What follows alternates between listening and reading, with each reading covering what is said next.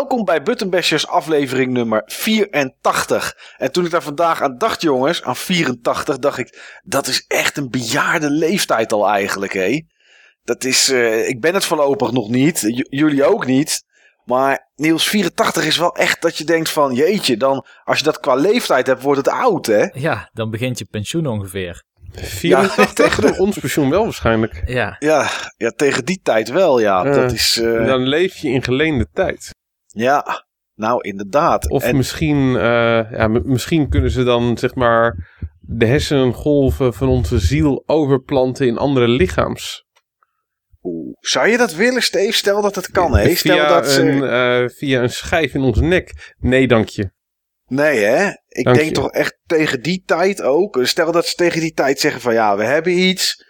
En uh, ja, we kunnen je leven gewoon nog met 100 jaar verlengen. En dan blijf je ongeveer zoals je nu bent, zeg maar, op 80-jarige leeftijd. Oh man, Zoals ik, moet nu ben. aan- Nee, te- als je 80 bent. Nee, doe hier. Kijk, uh, Oké, en zoals je nu bent dan? Zou je dat doen zoals je nu bent? Dan voor de 100 mens, jaar voor extra? De, nou, voor mezelf hoeft het niet per se, maar voor de mensheid zou ik dat wel doen. Oké. Ja.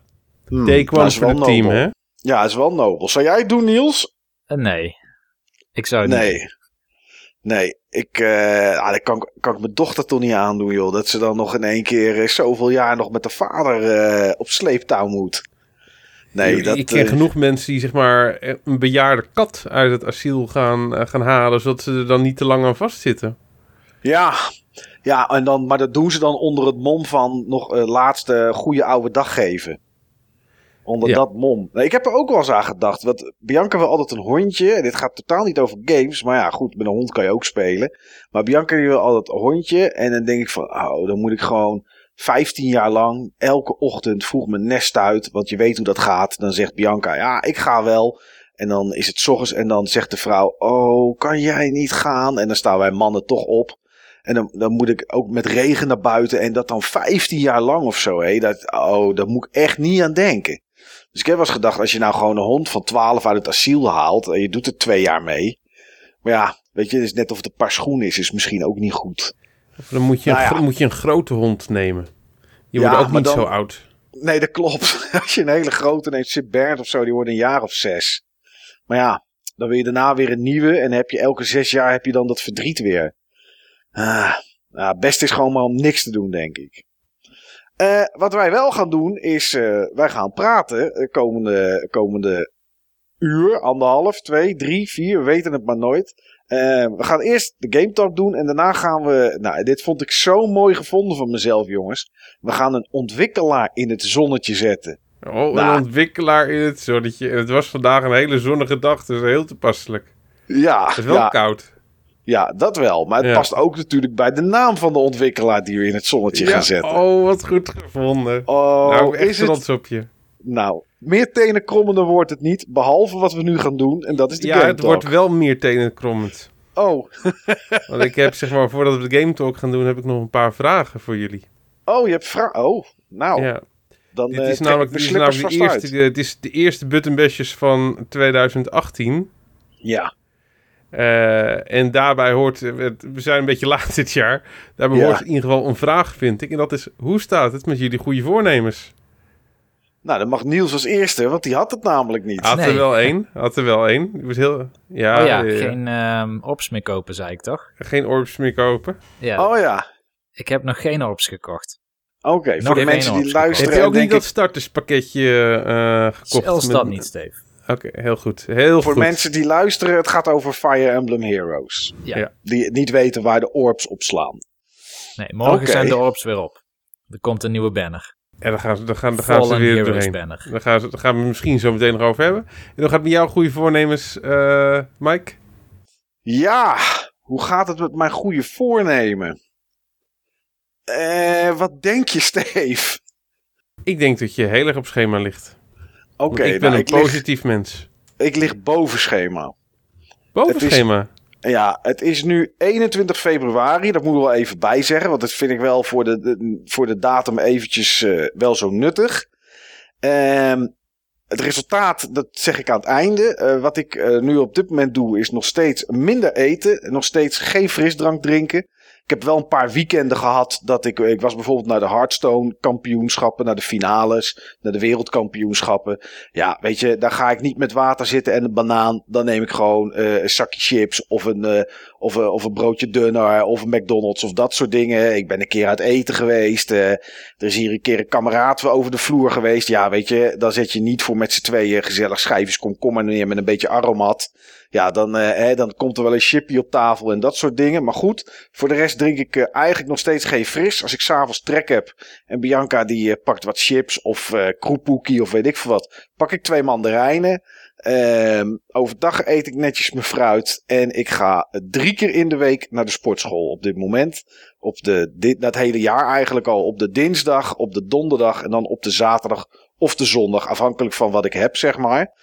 En uh, ja, dat gaat uh, best wel goed, moet ik zeggen.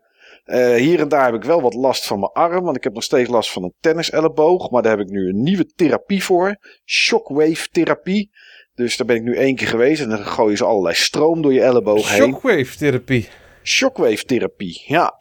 Ja, dat is, er komt een soort ze doen de gel op dat een beetje eruit ziet zoals het een echo van een vrouw, zeg maar. Ze echo maken van een baby Ja. om het beter te geleiden. Ja, en dan eh doen ze iets van eh 1200 eh, stroomstootjes per minuut of zo. Of weet ik veel wat, eh jassen ze door je elleboog heen. En dat eh, een paar minuten. En dat moet het, eh, het ja, wat het dat doet, is dat bevordert de, het herstel van je weefsels. En ehm dus dat doe ik dus, ja. Ik kan niet altijd alles in de sportschool, maar eh crosstrainer, eh, fietsen en loopband en dat soort dingen gaat allemaal wel. En nou ja, goed, tot op heden. Het resultaat is 21 februari. Ik ben eh, 7,7 kilo kwijt nu. Dat is een gezond tempo. Ja, toch? Moet ook niet te snel gaan. Nee, nee. Nou, en ik wilde de 30 kwijt dit jaar. En ik weet dat de eerste kilo's gaan harder dan dat het straks gaat natuurlijk. Ja. Daar moet ik wat harder voor werken, dat weet ik ook wel. Maar eh, ja, weet je, ik, eh, ik vind dat ik aardig op schema lig en het is goed vol te houden. Hoeveel Ja. watt is dat nou? Zo'n schoktherapie? Eh, dat weet ik niet. Nou, ik moet er vrijdag weer naartoe. Ik kan het wel eens, eh, kan het wel eens, kan het wel eens vragen. Maar ik, ik, ik geloof niet dat je gewoon een stekker af kan knippen en je die op je elleboog kan zetten in de hoop dat het het oplost. Ik dacht misschien als je 1.21 gigawatt door je elleboog stuurt, dan Ja. komt die in het verleden uit, denk ik. oh ja, dat ze dat doen en dan dat je teruggaat, dat je elleboog in de tijd teruggaat naar de tijd dat het nog in orde was. Ja, Ja, nee, ik heb geen idee wat ze er doorheen. eh, het is een, eh, een, een behoorlijk apparaat, zeg maar, voor wat het doet. En, eh, nou goed, ik zal de details besparen hoe ze erachter gekomen zijn dat dit werkt allemaal. Maar ja, ik weet het niet. Ik, gewone fysiotherapie hielp niet meer. En toen werd mij dit aangeraden. Je kan ook nog dry needling doen. Dan stoppen ze naalden in je spieren en die draaien ze dan. Top. Ja, ja voor Eh, ontspannen. Bijzonder goede ervaring, me- eh, ervaringen mee. Oké, ja, ik, eh, ik heb het aan de beste man gevraagd. En hij zei, ja, om je spieren te ontspannen is het goed. Maar voor je tenniselleboog, hij zegt, daar gaat het eh, niks voor oplossen. Nee, het is, dat is vooral gewoon heel erg nuttig bij, bij echt knopen. Ja, en bij vastzittende spieren en dat soort dingen, Vastzittende spieren. Dus eh, heb ik vorig jaar gedaan met spieren die zeg maar vast zaten in mijn rug. Mhm. Ehm, ik heb zeg maar eh, al een tijdje rug- en schouderklachten. Eh de meeste spieren, zeg maar, ehm, waar ik last van heb, kunnen ze niet op die manier behandelen. Want dat zit aan de voorkant of in de buurt van de voorkant. En daar zitten je longen. Ze doen het in principe alleen maar, zeg maar, ehm, op bot. Eh, zodat ze zeg maar alleen, als het misgaat, alleen in bot kunnen, eh, kunnen prikken. En dat je niet opeens een klaplong hebt. Oh ja, dat is wel prettig. Ja, ze hebben in ieder geval één knoop, hebben ze het op die manier echt heel goed op kunnen lossen. Maar de dingen waar ik het meest last van heb, daar konden ze niks mee helaas. Oh, ja, dat is, eh, dat is balen. Nee, ik vroeg het ook eh, aan die kerel. Dry needling is dat dan. En dan stoppen ze inderdaad een naald erin en dan draaien ze of zo. Er zit een soort van wokkeltje iets aan die naald. En dan, ja, dan, daarna ontspant het geloof ik of zo. Eh, dat, is, dat is dan de truc. Maar nee, ja, ik weet het niet. Eh, blijkbaar is een tenniselleboog lastiger om, eh, om op te lossen dan, eh, dan, dat ze, dan dat ze denken. Tenminste, dat zei hij zelf ook. En... Hij zegt over een paar jaar dan is hij 70 geloof ik. Hij zegt dan stop ik ermee. Ik zeg nou ja, is prima dat jij stopt vriend. Ik zeg maar ik neem aan dat mijn problemen dan wel opgelost zijn. Nou dat was het wel zei hij. Dus Ah, kijk, Nou, gelukkig. Dat geeft de burger moed. ik hoef nog maar een paar jaar. En dan is het, dan is het hopelijk weg. Dat geeft de Dus, burger moed. Dus ja, dat gaat. eh, ja, ik vind dat het redelijk gaat. Ik hoop eigenlijk. eh, nou, de eerste week of de tweede week van maart. de 10 kilo, zeg maar, eraf aan te tikken. Dat is nog een week of drie, zoiets. Mooi dat zou mijlpaal. toch, eh, zou toch mooi zijn. Dus. Goed bezig. en jij zelf, Steve? Ja, gaat, gaat wel beter, maar het is echt wel met, met vallen en opstaan. En ja, gewoon echt een... ik heb nog wel even een pad om de juiste balans weer te vinden voor mezelf. Ja, De omstandigheden zijn er in ieder geval niet naar, waardoor het heel makkelijk eh, gaat. Gewoon veel, eh, echt gewoon veel chaos op, eh, op werk. Maar ik heb voor mezelf in ieder geval de afspraak dat ik het op dit moment even iets rustiger aandoe. En ik probeer de balans gewoon wat meer, wat meer te vinden. Ja. Maar ik ben... ehm, ja, ik, ik, ik ben heel snel overmoedig. Als een, ik ben gewoon iemand, als het, als het gewoon een beetje gaat... Dan, dan handel ik ernaar alsof het gewoon weer helemaal gaat.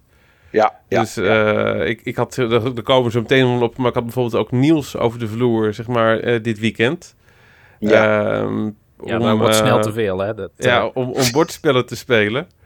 Maar dat, en dat had ik al eerder ingekort van zeg maar een weekend tot een, eh, tot, tot een dag. Maar dat was een, een dag van, eh, van ruim 12 uur. En dat Ja. hakte dan toch ook wel in, moet ik, eh, moet ik zeggen. Het was niet alleen Niels, er waren er meer gasten. Dus dan merk ik wel dat ik ehm, qua, qua energie toch wel wat anders in mijn energie zit dan... ja, ja, dan in de goede tijden, we het maar even zo dus, noemen. maar dat, dat, het gaat wel gewoon steeds beter. Nou ja, dat soort dingen is ook niet in een dag opgelost nee, natuurlijk. het is niet in een eh. dag ontstaan en het is niet in een dag opgelost. Maar het gaat wel gewoon steeds, eh, steeds beter. En eh, joh, ik, ik ben een positief mens. Ik zeg dan gewoon, het gaat goed. Oké. Nou ja, dat is, dat is op zich prima om te zeggen. met een mits en een maar dan in dat geval. Ja. Als je zelf zegt dat het goed gaat, dan gaan mensen misschien ook weer dingen van je verwachten. Omdat ze zeggen, ja, het gaat toch goed.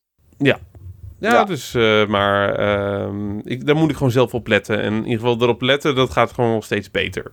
Oké, nou ja, als je er maar bewust van bent. En ook zo'n weekend wat je net zegt. Ja, als je achteraf denkt, oké, dit was toch eigenlijk wel te lang. Ja, dan weet je het gewoon Ja, het zijn ook gewoon keer. leerpunten. Hè? Het zijn ook gewoon leerpunten. Ja, en eh, tot ik gewoon zeg maar, eh, tot ik er al überhaupt zeg maar in plaats van een weekend een dag van had, had gemaakt. Dat, dat, dat was al heel wat. Ja, snap ik. Dus daar gaan we het zo meteen wel eventjes over hebben nog. Oké, Dat weekend. Dat weekend. Dus, Ehm, eh, heb en je heb ik, nog dat was meer? een van de vragen die ik aan, eh, aan jullie had. Ik had twee vragen. ja. Ehm, ik heb voor jullie allebei drie vragen.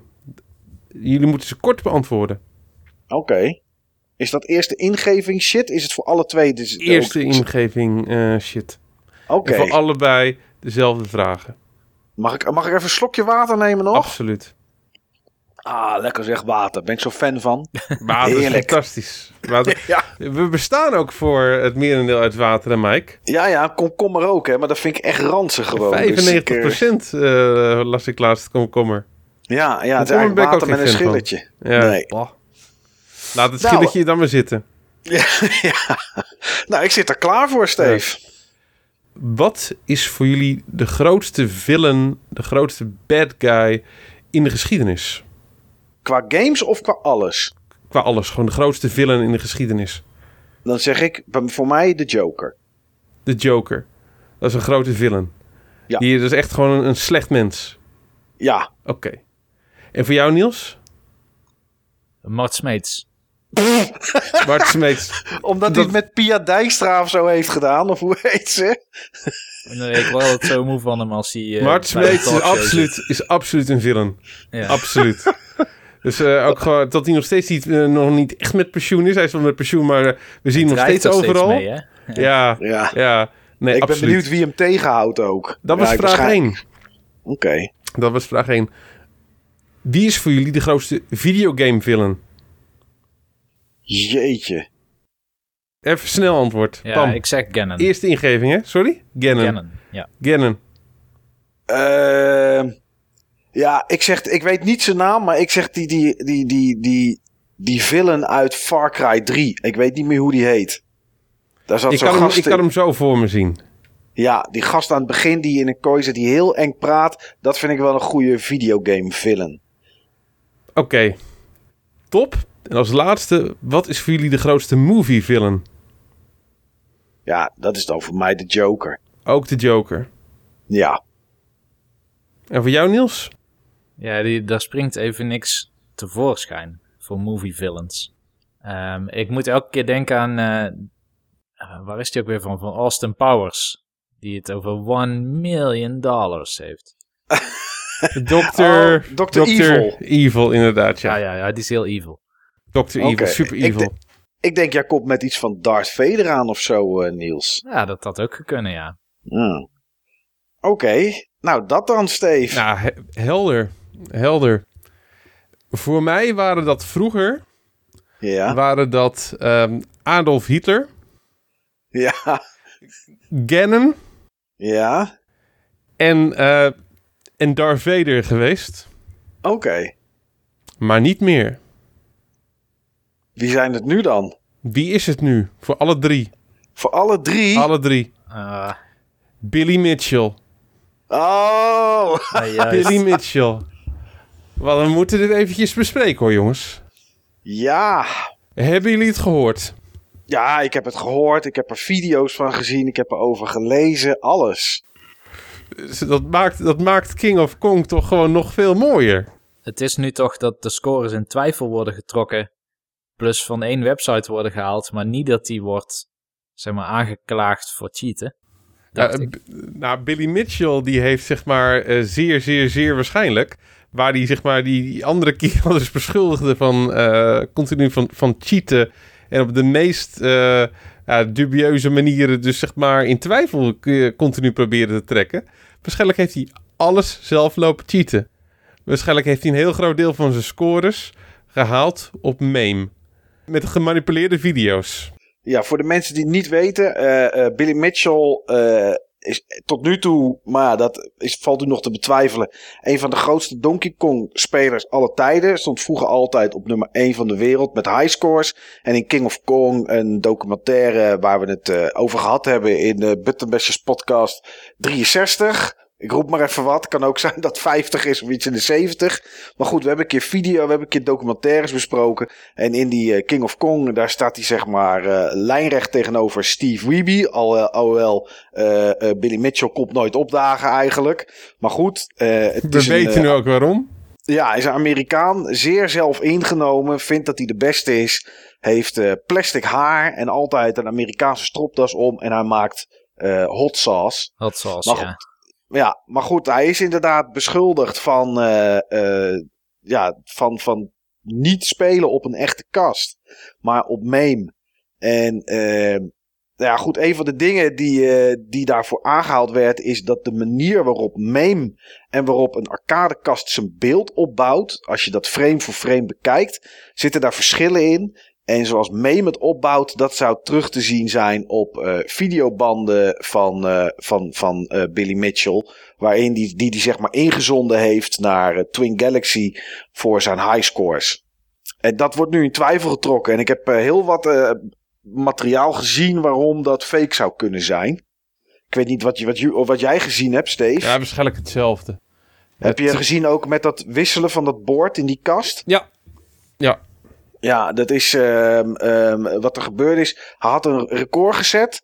Dat was niet op video opgenomen. Dat was over een miljoen, 1,4 miljoen, gele- 1,04 miljoen geloof ik. Dat was, niemand had het gefilmd. Eh, er waren wel allerlei mensen bij, dus daarom was het volgens hem legit. Maar daarna ging hij door met Donkey Kong Junior. En tussendoor gingen ze een boord wisselen uit de kast. En dat hebben ze wel gefilmd. Alleen het boord wat ze eruit haalden was Donkey Kong Junior. En wat ze erin terugstopten was ook weer Donkey Kong Junior. Dus het was echt een soort van fake video iets eh, om dat te doen. Dus daar, eh, ja, dat is ook een van de triggers waarom mensen zeggen van ja, dit kan niet echt zijn. Maar hij stond nooit, denk ik, Steve, bij jou als we hadden gevraagd: wat is jouw videogame held? Wat is überhaupt een held of een movie held? Daar had hij niet op één gestaan. Nee, het was geen held. Maar Nee. ik, ik vond het altijd al, zeg maar, in King of Kong echt een villain. Ja, Maar nu helemaal. Dus echt, eh, ik vond het een mooi verhaal. ja, ja, het is wel een mooi verhaal. Ja, of het waar is, eh, ja, dat kunnen we pas achterkomen als er waarschijnlijk een keer iemand is die erbij was. Alleen, eh, ja, er zijn videobanden kwijt. En eh, hij is zelf een van de, geloof ik, drie of vier geldschieters van Twin Galaxy. Dus, eh, ja, er is heel veel bewijs dat het heel vaag is, inderdaad, met hem. In de tijd dat meme nog niet goed geluid emuleerde. ehm, enkele van zijn recordvideo's hebben geen, hebben geen geluid. Nee, helemaal niet. Nee. En ehm, dingen die wel geluid hebben, dat eh, op het moment dat je dat opent in Audacity, waarin, ze, waarin wij ook onze podcast opnemen, zie je allemaal gekke dingen. Ja. Dus eh, nee, het is, ehm, het is allemaal een beetje dubieus. Ja, ja, het is zeer dubieus, deze, deze kerel, inderdaad. En eh, ja, hij, had, hij deed inderdaad in King of Kong eh, Steve Wiebe ervan beschuldigen. En dan kwamen ze naar zijn huis en dan bleek dat Wiebe geen goed bord had. In de kast waar hij dan zijn, eh, zijn, eh, zijn highscore op had gehaald, wereldrecord. Dus ja, weet je, het lijkt inderdaad alsof hij zelf gewoon eh, dat reflecteert, zeg maar. Ik heb ooit eens een keer een vriendin gehad, is, die, die ging vreemd. Maar dan ging ze mij ervan beschuldigen dat ik vreemd aan het gaan was. Dus die reflecteerde ook haar eigen ellende op mij. Dus ja, misschien, misschien, misschien is Billy Mitchell ook wel zo'n figuur. Die gewoon zijn eigen ellende op iemand anders projecteert om zo een smokescreen op te trekken. Ik weet het niet. Maar het is wel een leuk verhaal om te volgen. En het, zet King of Kong wel in een ander daglicht. Dat Ja. zeker. Voor de mensen die hem nog niet gezien hebben, kijk King of Kong en kijk die eh, kleine mini-exposed docu's op YouTube. Ja, ja, ja. Er zijn er een aantal inderdaad. En eh, nou ja, met een minuutje of eh 15 tot 20 ben je helemaal bijgepraat. Ja, zeer de moeite waard. Ik vond het mooi. Ja, het is een mooi verhaal. Jeetje, weten we zomaar wie jouw villain is, eh, Niels? Ja, dat had ik toch niet verwacht. eh, ik moest snel voor- reageren, dat was het vooral. Ja, Arme Ja, nee. Mart. ja. Ja, ik vind Billy Mitchell vind ik eigenlijk, eigenlijk ook wel de Bart Smeets van, ehm, van de videogame world. Net zo vol van zichzelf. Ja, ja. Ja, enige nadeel is, als die net zo lang doorgaat als Mart Smeet, zitten we nog jaren vast aan die gast. Ja, goed, je kan het natuurlijk gewoon negeren. Ik bedoel, ik kijk ook geen wielrennen waar Mart Smeets nog steeds eh, dingetjes bij doet, volgens mij. Maar Goed, ehm, ja, ik denk dat het tijd is om het niet te gaan hebben over mensen die games spelen, maar over onszelf die games eh, hebben gespeeld. En eh, nou ja, er is maar één onderwerp voor en dat is de Game Talk.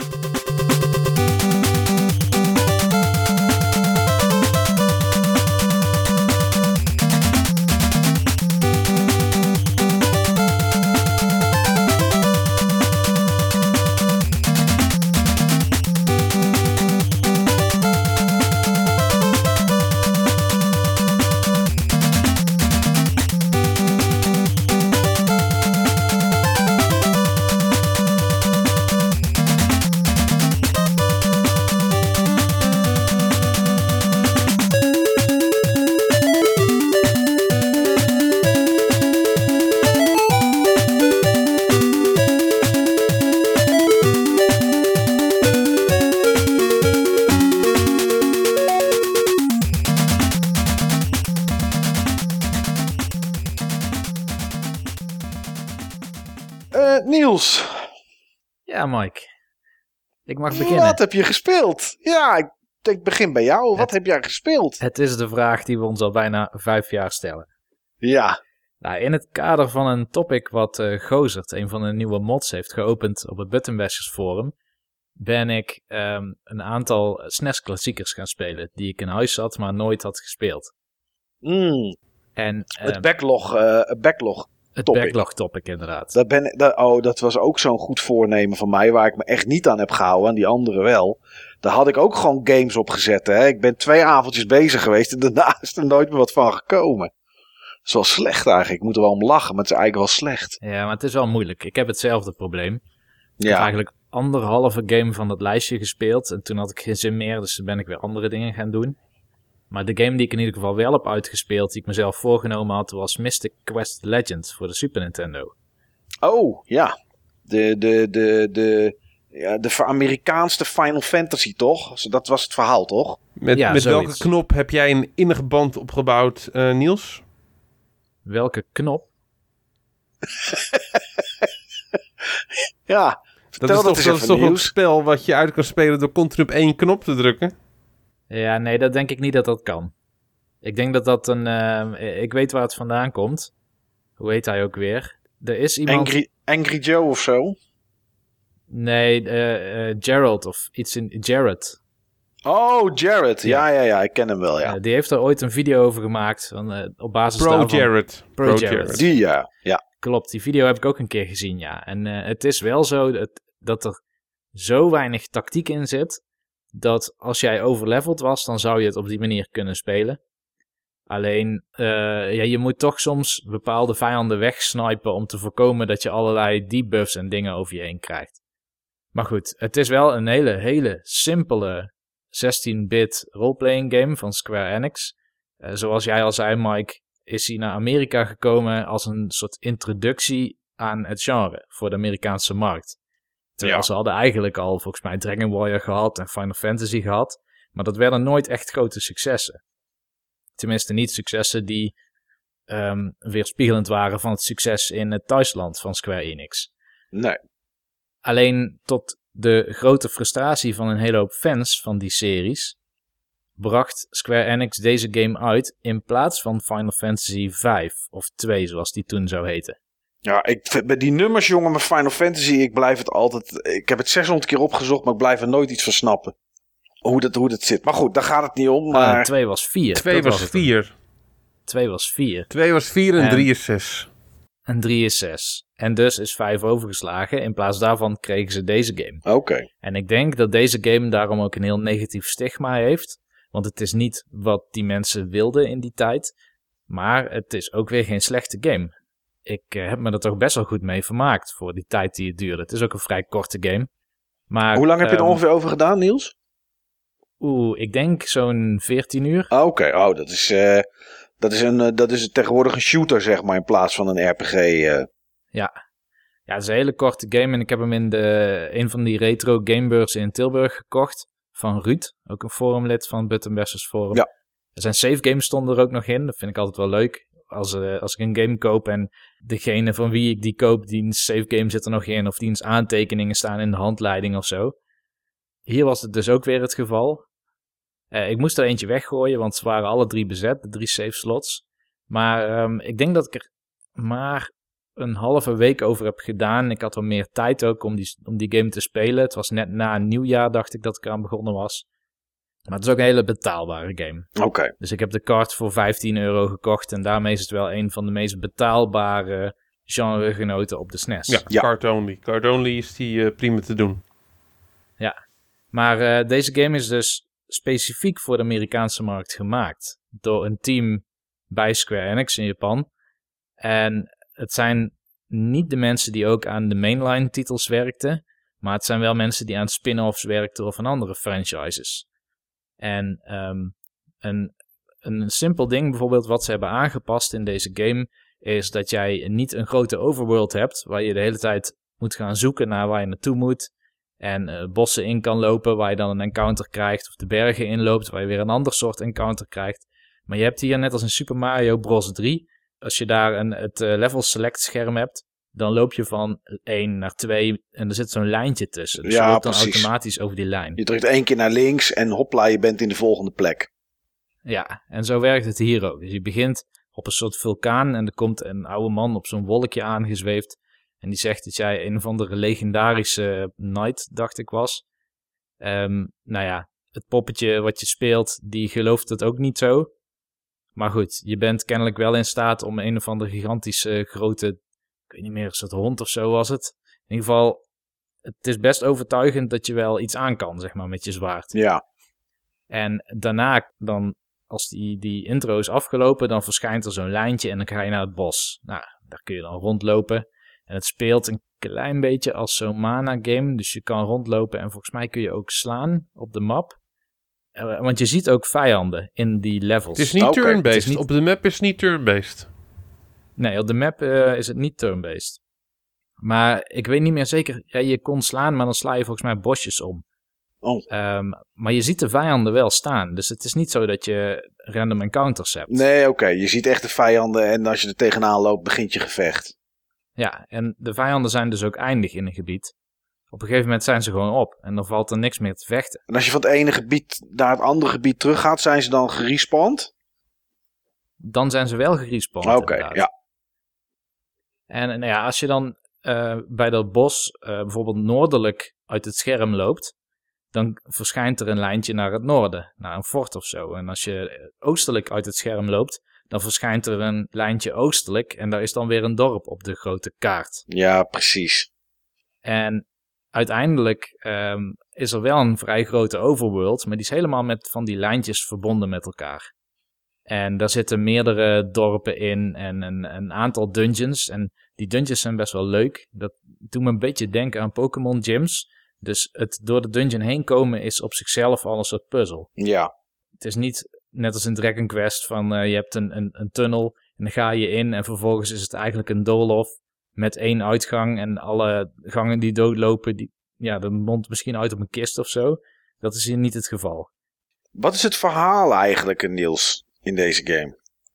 Ja, heel standaard ouderwets Final Fantasy. Oké. Je moet kristallen verzamelen om eh, de apocalypse of zo te voorkomen. Zoiets was het geloof ik. Ja, oké. Geen, Er zit geen een kristal indruk. van Earth en... Nee, nee, er zit, eh, het, het, het spel heeft vrij weinig cutscenes, vrij weinig tekst. Wel redelijk wat karakters die iets te vertellen hebben. Ja. Maar ik kan me niet herinneren dat het ergens naar opbouwde. Hmm. Het verhaal staat me in ieder geval niet meer bij. Nee. Maar goed, wat wel interessant is, is... ehm, je hebt ook sidekick characters of party members. Maar je hebt er altijd maar eentje.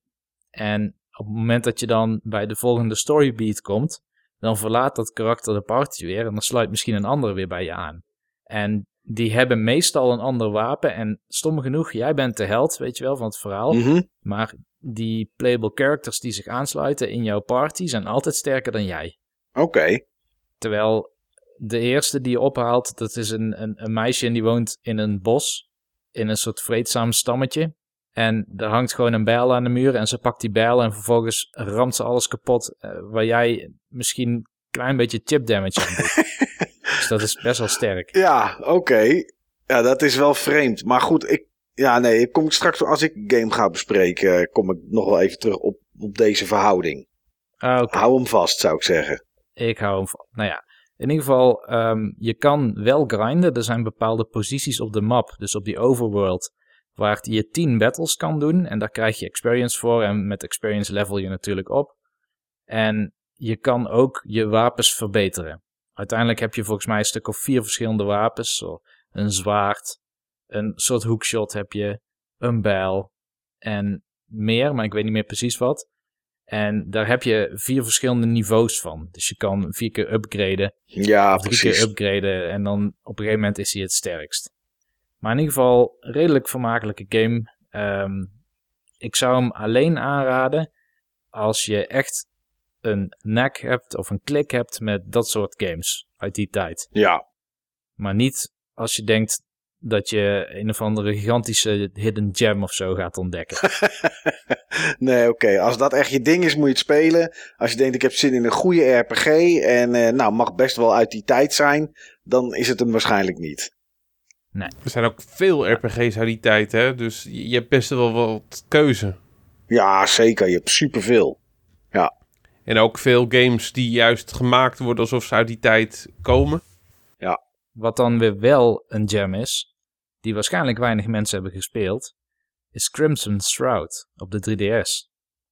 Misschien ken je de titel nog wel ergens van, maar Level 5 heeft ooit een aantal kleine games alleen maar op de e-shop gezet.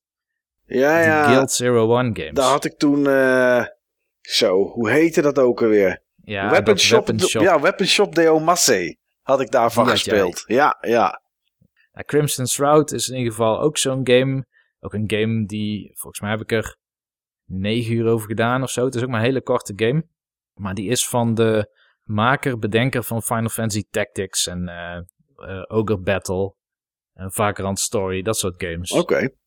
En wat heel leuk is aan deze game is het probeert eigenlijk een tabletop RPG ervaring na te bootsen. Dus je hebt pionnen in een soort dungeon. Dus je hebt geen geanimeerde karakters. En je hebt echt poppetjes op zijn standaardje, zeg maar. Alle vijanden zijn ook gewoon poppetjes op Ik standaarden. zie ze hier voor me. Ik zit er aan te kijken nu. En ehm, er zit een narrator in de game, dus je leest heel veel tekst. Heel veel over de omgeving waar die mensen zich in bevinden.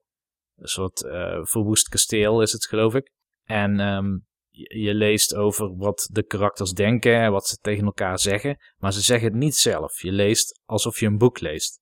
En de eh, battles die je doet, die gebeuren ook echt met dobbelstenen. Oké. Met van die 20-zijdige, 12-zijdige, Ja, ja, allemaal van die 10-zijdige, 10 D10, D20, dat soort dobbelstenen. Echt van Dungeons and Dragons. Oké. Ehm, en die dobbelstenen, je hebt ook wapens. En wapens hebben een, een soort attack value. En daar tel je dan volgens mij de, de worp van de dobbelstenen bij op of zo. Of dat wordt een soort multiplier. Maar het is niet zo dat je afhankelijk van je wapen andere dobbelstenen gooit. Je gooit altijd dezelfde set dobbelstenen.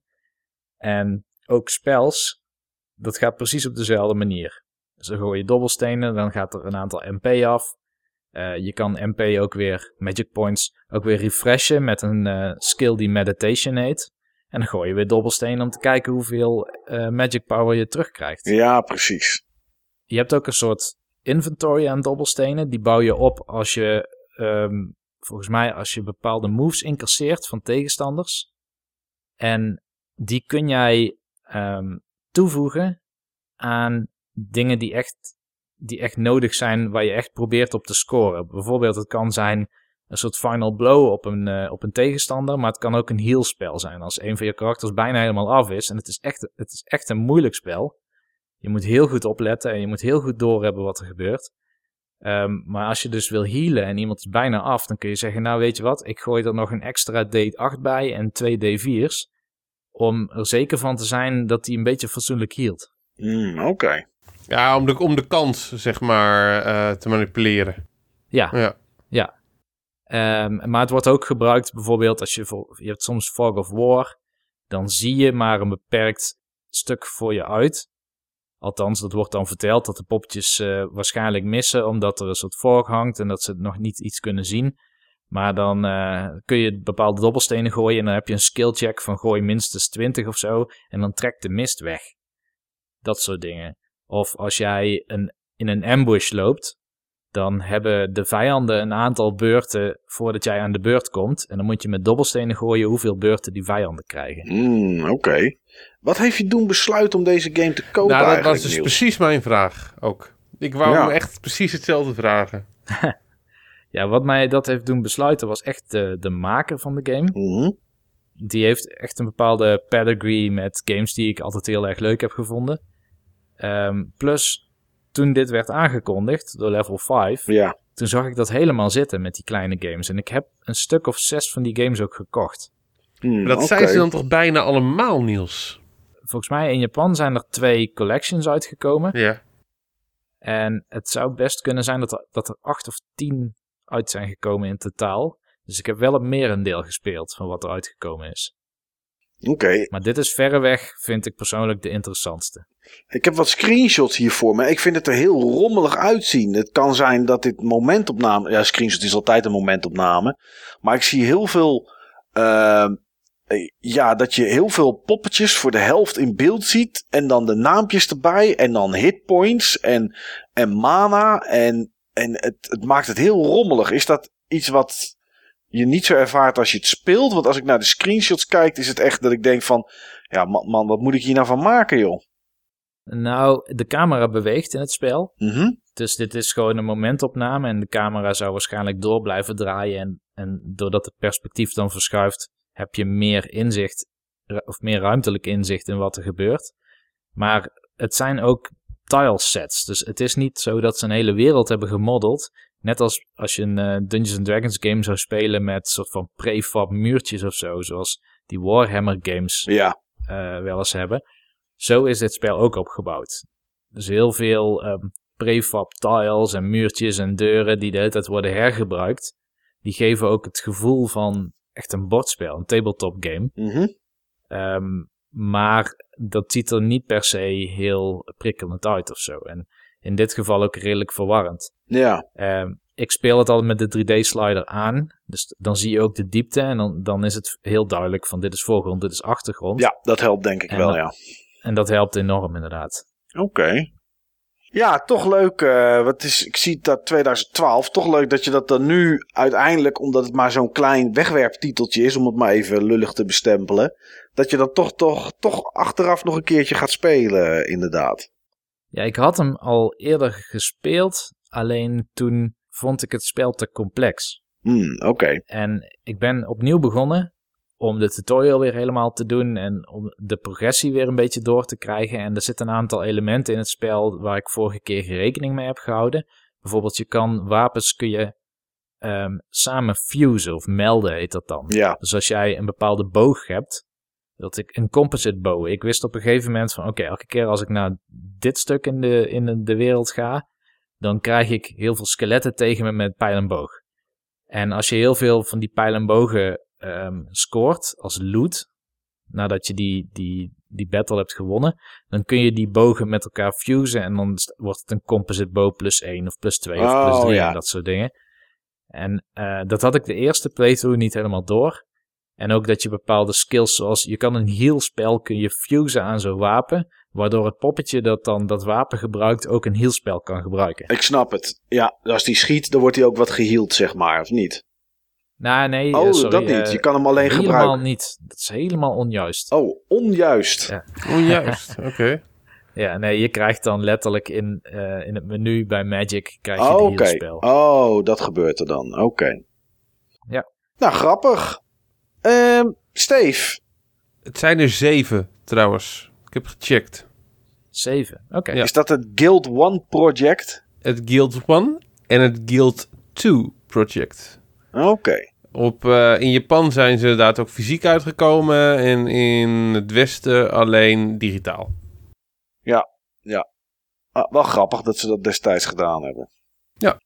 Maar dat heb jij vast niet gespeeld, Steve. Dat heb ik niet gespeeld, eh, gespeeld nee. Ehm, ik heb best wel wat gespeeld. Eh, we hebben ook best wel wat tijd over deze podcast laten gaan. Ja. Ehm, om te beginnen wil ik toch heel kort ingaan op een, eh, op een game waar ik eigenlijk zeg maar eh, juist klaar mee was. Ja. Ehm, behoorlijk klaar. Maar die ik op basis van tal van, van updates dan toch weer ben gaan spelen. Omdat ik het toch een beetje miste. Ja, dan denk ik dat, Ja, het, ik weet dan het. denk ik dat het Destiny 2 is. Het is geen Destiny 2. Want Destiny 2 mogen ze wel meer aan eh, verbouwen om het weer interessant eh, te maken. Ook al zijn er wel tal van updates geweest. Nee, het is Fire Emblem. Fire Emblem oh, Heroes. oké. En het had ook, ehm, dat had ook een, eh, een reden. ehm, meerdere redenen. Ik heb natuurlijk die nieuwe telefoon. Ja. Daar kan ik over zeggen, dat is een topapparaatje voor dat geld. Niels heeft hem ook gezien. Niels was Yep. volgens mij ook aangenaam verrast over hoeveel telefoon dat is voor 190 euro. Ja, absoluut. Dat is eh, voor de mensen die dat eh, niet gehoord hadden vorige keer, dat is de Mi A1 van, eh, van Xiaomi. Importtelefoon die je onder andere op AliExpress kan, kan kopen. En ehm, ik had natuurlijk wat, wat games daar, daarop gezet. Ehm, en daar wil ik, het over, wil ik er twee van uitlichten. Ehm, En één daarvan is Fire Emblem Heroes. Ehm, ja, dat is gewoon echt toch wel heel... Ik was zo blij dat ik hem zeg maar in eh, mijn top 3 van de beste games van 2017 heb gezet. Want is hij gewoon heel erg waard. Ehm, ik had het een tijd niet serieus gespeeld. Ik ben het nu al serieus gaan spelen. Ah, er zit gewoon echt zoveel in, joh. Ik was ook weer eens de arena eh, gaan spelen. Dat had ik echt heel lang niet, eh, niet gedaan. Ehm, de, arena, dus waar je het opneemt tegen andere, andere spelers. Of beter gezegd, eh, ehm, ghosts van andere spelers. Wat zeg maar in Mario Kart een ghost zou, eh, zou zijn. En tot de computer dan zeg maar hun team bestuurt. En ik kwam ook zulke andere teams tegen dan ik gewend was. En, en tactieken die ik altijd gebruikte, die over het algemeen heel goed werkten, die gewoon niet meer werkten. Eh, gewoon echt heel, vera- heel veel veranderd. Die, die meta die is gewoon heel erg in beweging. Ja. En eh, dat, dat vind ik wel heel erg interessant. Ook gewoon weer een shitload aan, eh, aan toffe nieuwe karakters. Met mijn gratis orbs eh, kunnen krijgen. Ook heel veel gratis orbs gekregen. Nee, het is echt een tof spel. Bart van het forum Holomeus is het ook gaan, gaan spelen. Die is er ook erg enthousiast over. Speel je nog niet, probeer hem eh, gewoon. Hij is echt heel leuk. Hij was al heel erg leuk en hij is nog net iets leuker. Oké. Ja, een eh, neef van mij speelt hem ook, Jan. Die zit ook, zeg maar, in die eh, clan, zoals Steven het noemde. Dit is gewoon een in, WhatsApp groep. eh, Dit is gewoon een het WhatsApp groep. jaaroverzicht. Maar die heeft nog nooit van Fire Emblem gehoord voordat hij dit ging spelen. En die speelt het ook echt dagelijks. Nog steeds sinds het moment dat hij dit op heeft gepakt. En dat was volgens mij in de zomer of zo vorig jaar. Nou ja, dan eh, terecht, Steve, wat je net zei, dat hij in je top 3 van eh, 2017 eh, stond dan. eh. Eh, maar jij zei, ik heb nog een game waar ik, die ik op mijn mobiel heb waar ik het over wil hebben. Ja, ik heb wel meer dingen eh, gespeeld. Sommige dingen vond ik echt afschuwelijk. Onder andere Idle Heroes. Dat was ook zo'n gotcha game. Ik had zoiets van, ik gebruik, ik, ik probeer eens een keer een andere gotcha game. Wat een draak is dat. dat eh, Oké. Nee, dat is echt je tijd niet waard. Ehm, waarvan iedereen voor zichzelf moet bepalen of het zijn of haar tijd waard is, is ehm, Animal Crossing Pocket Camp. Oeh, ja. Ehm, wij hebben natuurlijk een periode hebben we met z'n drieën Animal Crossing gespeeld. Ja. Best wel een tijdje. Nou, zeker. Ja, Niels is zelfs teruggegaan op een gegeven moment. Hè? Was dat rond de kerst of zo, Niels? Of weet ik veel wat, dat je het nog een keer gespeeld hebt? Ja, en ik had het natuurlijk een heel jaar gespeeld. Ja. Dat was toen mijn doelstelling. Maar ik heb het inderdaad vorig jaar nog heel even gespeeld. Eh, rond, inderdaad, ik denk dat de- Nee, het zal wel voor de kerst geweest zijn. En tja, dat raad ik niet aan. Nee. Om in een verwoest dorp terug te komen. Ja, dat is vol onkruid, en onkruid- mensen die je haten. Onkruid eh, trekken, inderdaad, ja. Maar Nou, hoe bevalt eh, de mobiele versie, eh Steve? Ik, eh, ik vond het heel leuk. En opeens was ik er klaar mee. Ja. Ehm, het was gewoon echt klaar. Dat je, dat je gewoon die, die, die- de kick eraan gegeten hebt. Ja, en hoeveel, het- hoeveel tijd zat ertussen? Zeg maar, hoe lang duurde dat voordat je er klaar mee was? Ik denk een week of twee, drie. Oh, dat is in mijn beleving nog lang, hè? Ja, Ja. ik denk eh, t- een goede twee weken. Wat vond je er aan het begin leuk aan en wat, waarom was je er op een gegeven moment toch klaar mee? Ehm, wat ik er leuk aan vond, eh, het is meer Animal Crossing dan Fire Emblem, Fire, dan Fire Emblem Heroes Fire Emblem eh, is. Mhm. Het, ehm, het is echt wel de, de, de Animal Crossing eh, formule die ook volledig intact op, ehm, op een gratis mobiele game eh, staat. Ehm, goh, ja, wat, wat- ja, wat te kennen van Animal Crossing. Je doet dingetjes. En Ja. door dingetjes te doen, ehm, krijg je spulletjes. Kun je zeg maar ehm, je, je basis inrichten, noem ik het maar eventjes. Of nou een dorp is, een, ehm, een huis. Of in dit geval een campsite en een camper. Je richt dat, eh, dat in naar eigen smaak en eh, believen. En daarmee trek je allemaal eh, beesten aan. Ja, Die allemaal hun eigen karakter hebben. Gezellige beesten. Gezellige Ja, ik eh, gezellige ik wou zeggen, geen wolven en zo. ik wil zeggen, dat heb ik zomers ook altijd. Dan zit, ik, dan zit ik een keer buiten, zet ik een glaasje fris neer, dan trekt het ook beest aan. Maar dat is niet hoe dit werkt, zeg maar. Ja, ja. Nee, ik vond het, ehm, ik vond het echt heel erg goed intact. Draait ook goed. Eh, in ieder geval op mijn eh, telefoon. Zal op de meeste telefoons eh, van 2016, 2017 goed draaien. Ja, Ja, alleen eh, wat ik toch, ik, ik miste toch iets. Ja. En wat dan precies, dat, dat, dat weet ik niet. Maar Animal Crossing New Leaf had echt heel veel aantrekkingskracht op me. Voor een deel ook eh, door, door het samen met jullie optrekken en het delen. Ik denk dat dat in ieder geval ook onderdeel is. Eh, ik was ook de enige persoon die ik kende die iets had te spelen. Ja. Ja, ik En- heb het wel gespeeld eventjes hoor. Maar ik was, er, ik was er echt heel snel klaar mee. Want ik dacht van oké, meer dan dit is het dus niet, zeg maar. Dat was wat ik had. Eh, je gaat wat collecten voor iemand die iets nodig heeft. Nou, Ja. dan is diegene is blij. Dan eh, krijg je een grondstofje ervoor. En dan Ja. ga je voor iemand anders helpen. Die is dan ook blij. Krijg je ook een grondstofje. Met die grondstoffen kan je naar een meubelmaker. Die maakt een meubel. Dat zet je neer. En dan komt er een van die dieren komt dan bij jou. Nou, en dat is het. Als Tenminste, je het meer- zeg maar precies de goede set aan, ehm, aan meubels hebt, eh, hebt Ja. neergezet. Ja, en dat is het. Dat is een hele goede samenvatting van de gameplay. Ja. Dat is, eh, dat is gestroomlijnder dan ik zelf deze gestroomlijnde gameplay had kunnen beschrijven. Dus daarvoor dank. Ja, Maar gedaan. ehm, nee, ik denk dat, dat dat is denk ik de tweede factor, los van het social aspect, wat ik in mijn geval dus, eh, dus miste. Ehm, iets te kaal, iets te karig. Eh, Het is een game die ik ook mensen ehm, kan aanbevelen om gewoon te proberen. Ik kan me heel goed voorstellen van dat, het, eh, dat het leuk is. Het is een goede time waster, maar voor mij is het wel een time waster met een limiet erop. Ja, zeker. Ja, Ik hoop eigenlijk dat deze Animal Crossing niet een aantal mensen heeft afgeschrikt bij de franchise. Want als je een echte, nou ja, tussen quotes, echte Animal Crossing game speelt, dan hoef je niet een dier te overtuigen door eh, drie yellow perches te vangen in een pond of zo. Dat is veel dynamischer. De, progressie zit er daar ook meer in en hoe het hele dorp met je mee evolueert. En vooral in New Leaf, waar je de burgemeester was, welke projecten je dan gaat bouwen. En da- daardoor komen nieuwe winkels met weer nieuwe karaktertjes en zo. En dit wat, had een best wel taaie missiestructuur. Nou ja, dat is het ook. En, en wat je zegt, weet je, als mensen denken van die het nog nooit gespeeld hebben en die dit nu een keer proberen en straks dan een Animal Crossing voor de Switch krijgen, dan zou het inderdaad wel zo kunnen zijn te denken, ja, ben ik alleen maar iets aan het ophalen, naar iemand naartoe brengen, een nieuw dingetje neerzetten en repeat.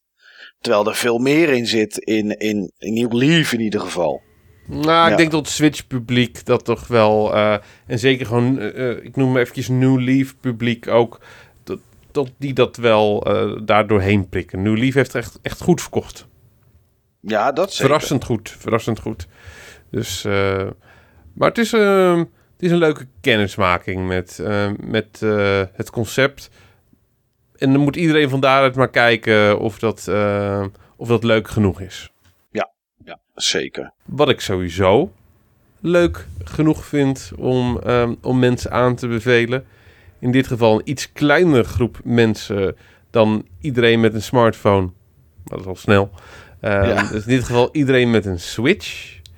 Eh, en volgens mij is die ook op, eh, op Steam. Ehm, en dat is Blossom Tales. Oh. Die ken ik. Blossom Tales. Die heb jij ook gespeeld, Mike? Nou, die ken ehm, je alleen? eh, laat ik het zo zeggen. Ik heb mensen beloofd eh, dat ik het zou gaan spelen. Blossom Tales, wat is het? The Sleeping King? Ja. Ja. Ik heb eh, wat mensen beloofd dat ik het zou gaan spelen. En belofte maakt schuld. En dat weet ik. Dus ik zou het nog steeds moeten gaan doen. En ehm, de mensen aan wie ik dat beloofd heb zijn twee kameraden van mij. Waarvan de een op dit moment volgens mij in twee categorieën eh, de wereldrecords heeft. En ehm, ja, ik zou hem ook gaan speedrunnen, zeg maar. Want daar is het een zeer geschikte game voor. En dat was mijn. eh, dat zou ik gaan doen. En dat heb ik beloofd. En dat heb ik nog niet gedaan. Dus vandaar dat ik deze game. Ja, goed ken is een. Ja, weet je, ik ken een half uurtje ongeveer Oké. van de game. Nou, ik ben er heel benieuwd naar in ieder geval. Ja, het is een heel tof spel. Ik zal er iets meer over vertellen. Ehm, Blossom Tales is een, ehm, is een Zelda-kloon.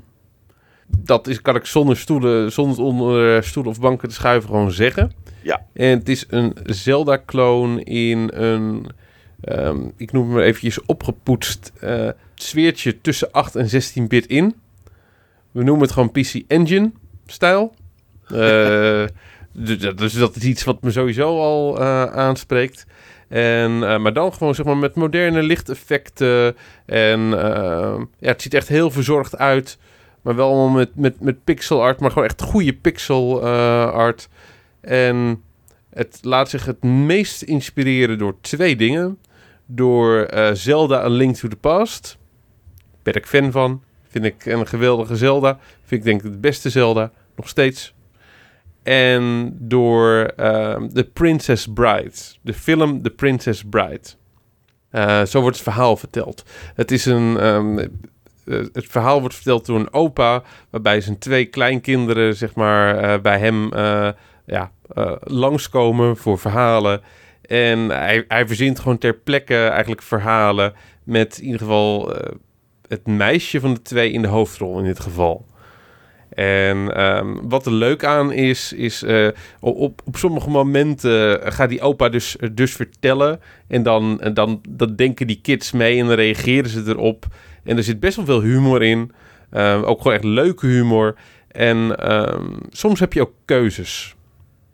Dus dan heb je bijvoorbeeld de keuze. Dan, eh, dan wordt er ru- ruzie gemaakt of, eh, of, of Blossom nou vocht tegen, tegen een, een piratenkoningin of een, of een opperninja. En dan kun je dus zeg maar kiezen van waar, waar je tegen vecht. Oké. Dus dat is, dat is wel tof. En ehm, wat ook tof is, eh, vind ik de combat. Eh, met name de boss fights. Ehm, dat zijn geen Zelda boss fights. Nee, ik heb er een aantal gezien. Wat ik zie, de- in die run zitten wel een aantal, maar het zijn wel leuke bossfights. Het zijn toffe boss fights. Het is, ehm boss fights zijn meer Dark Souls dan Zelda. Ja. Het draait veel meer om patroonherkenning. En in sommige gevallen is het ook gewoon pure bullet hell. Dus als je bij die boss fights heb je soms eerder het gevoel dat je een bullet hell shooter aan het spelen bent dan een Zelda game. Ja, dus dat is Maar wel tof. het is heel tof. Het zijn echt toffe boss fights. En ehm, ik had voor het eerst ook gewoon een beetje... eh, ja, echt gewoon jullie Dark Souls eh, gevoel. dat je gewoon dan tegen zo'n boss vecht. En dat je in eerste instantie denkt van... Ja, dit lukt me nooit. En dat je dan door... eh, dan kom je daar aan met al je health potions. En dan... ehm, dan brand je door al je health potions heen. En dan eh, is het niet gelukt. En dan mag je het vervolgens weer gaan doen, maar dan zonder al je health potions. Ja, En dat je er gewoon gedwongen wordt om heel goed die patronen te leren. eh, echt je best te gaan doen. En ook een paar keer, dat ik zeg maar dan eh, dus, dus kansloos afging. De eerste keer met al mijn health potions. En bij de derde keer, dat ik hem dan toch al had. Onverwacht. Omdat ik die patronen gewoon eh, snapte. En dat ik echt eventjes eh, de tijd had genomen om er goed over na te denken. ja, mooi is dat. Hè? Goed gevoel, ja, dat, is- hè? ja, dat is wel een goed gevoel inderdaad, ja. Ja. Eén ding wat me niet zo goed gevoel geeft eh, van, ehm, van Blossom Tales. Ehm, en dat is het performance profiel in de mobiele versie. Ja, Ehm, dit is ehm, een goed ogende, verzorgde game. Geen grafisch hoogstandje. Maar het is een game die, die mobiel leidt onder flinke frame drops. dat is best wel apart. Want als je kijkt, doet het grafisch niet iets, iets uitzonderlijks, zeg maar. Het ziet er goed uit. En het ziet er leuk uit. En het is schattig. En het is, de wereld is goed gevuld. Maar het is geen, eh, weet ik veel, het is geen Wolfenstein of zo. Nee. Nee. dus dat vond ik ook apart. Ehm, kijk, het zal ongetwijfeld ook zeg maar, aan de developer eh, liggen en aan de tools waarmee het gemaakt is. Ja, het, is dat- drie, het zijn drie man of zo die het gemaakt hebben, inderdaad. Ja, maar ehm, het, het, het zegt wel iets. Het zegt wel iets. En, eh, maar als je dock speelt, is het ook gewoon weg hoor. Ja, Dan is het gewoon 60 strak. oké. Als je kijkt naar tools bijvoorbeeld, die nieuwe Dynasty Warriors, die draait 22 frames per seconde op een PS4 Pro in 1080p. Dus de tools die zijn best wel bepalend voor eh, performance. Ja, Ja, en eh, maar kijk, dat, dat, zijn wel uitzon dat zijn wel meer de uitzonderingen. Zeg maar games die niet goed draaien op een PS4 Pro of eh, Xbox eh, One X, want daar draait die ook gewoon slecht op. Maar hier heb je, Ja, toch, wel, hier heb je toch wel vaker. En ik, ik, ik heb zelf persoonlijk het gevoel van dat het, ehm, dat het nog wel een keer gefixt wordt in nieuwe, eh, in nieuwe Switch-modellen. Daar hebben we het ook al over gehad ja, acht ja. ik serieel. Dus, maar eh, één ding, dat is dan een dingetje voor me. Maar wat ook een dingetje is, en dat, eh, zal ik ook waarschijnlijk dit jaar nog verschillende keren zeggen. Tof apparaat. Zeer tof apparaat. Zeer gaaf platform. Ik speel er graag op. Ik, eh, ik koop er graag dingen op. Zowel in het echt als, eh, als digitaal. Ik heb nog meer Switch dingen gespeeld. Maar misschien vertel ik dat gewoon een andere keer. Ik vind echt een tof apparaat. Ja. Nou, nice, Steve. Blossom, uh, hoe kwam je aan Blossom Tales eigenlijk als laatste vraag? Want niet een game die bij heel veel mensen op hun uh, raad... Ja, toevallig bij Niels, maar... Ik had er, denk ik, op een YouTube-kanaal een kort filmpje van gezien. Of dat die genoemd werd. Het Ah. YouTube-kanaal van die Australiër. Van Beat'em-ups. Oh, oké. Ja, ja, ja, ja. Oké, Ja, nou, en toen, grappig. eh, toen heb, heb ik eventjes zeg maar, de trailer gezien op de e-shop. En toen was ik sold. Nou, dat is wel een mooie manier om aan, eh, aan zo'n leuke titel te komen. Ja, check die trailer. Waarschijnlijk ben je dan ook sold. Eh, in dit geval heb ik dus tegen onze, onze luisteraars niet tegen jou. Want jij bent al redelijk sold. Want je hebt mensen al beloftes gemaakt. Ja, ja, ja. Schrijf er nog maar een keer in. Ja, Maar goed, als ik, het, als ik het ga kopen en ga spelen, heb ik nu meer geleerd van jouw verhaal, Steve, dan eh, dat ik het zelf zou gaan doen. Want ik zou alleen maar speedrun strats gaan uithalen, zeg maar. Ik zou de game niet, eh, niet gaan doorspelen.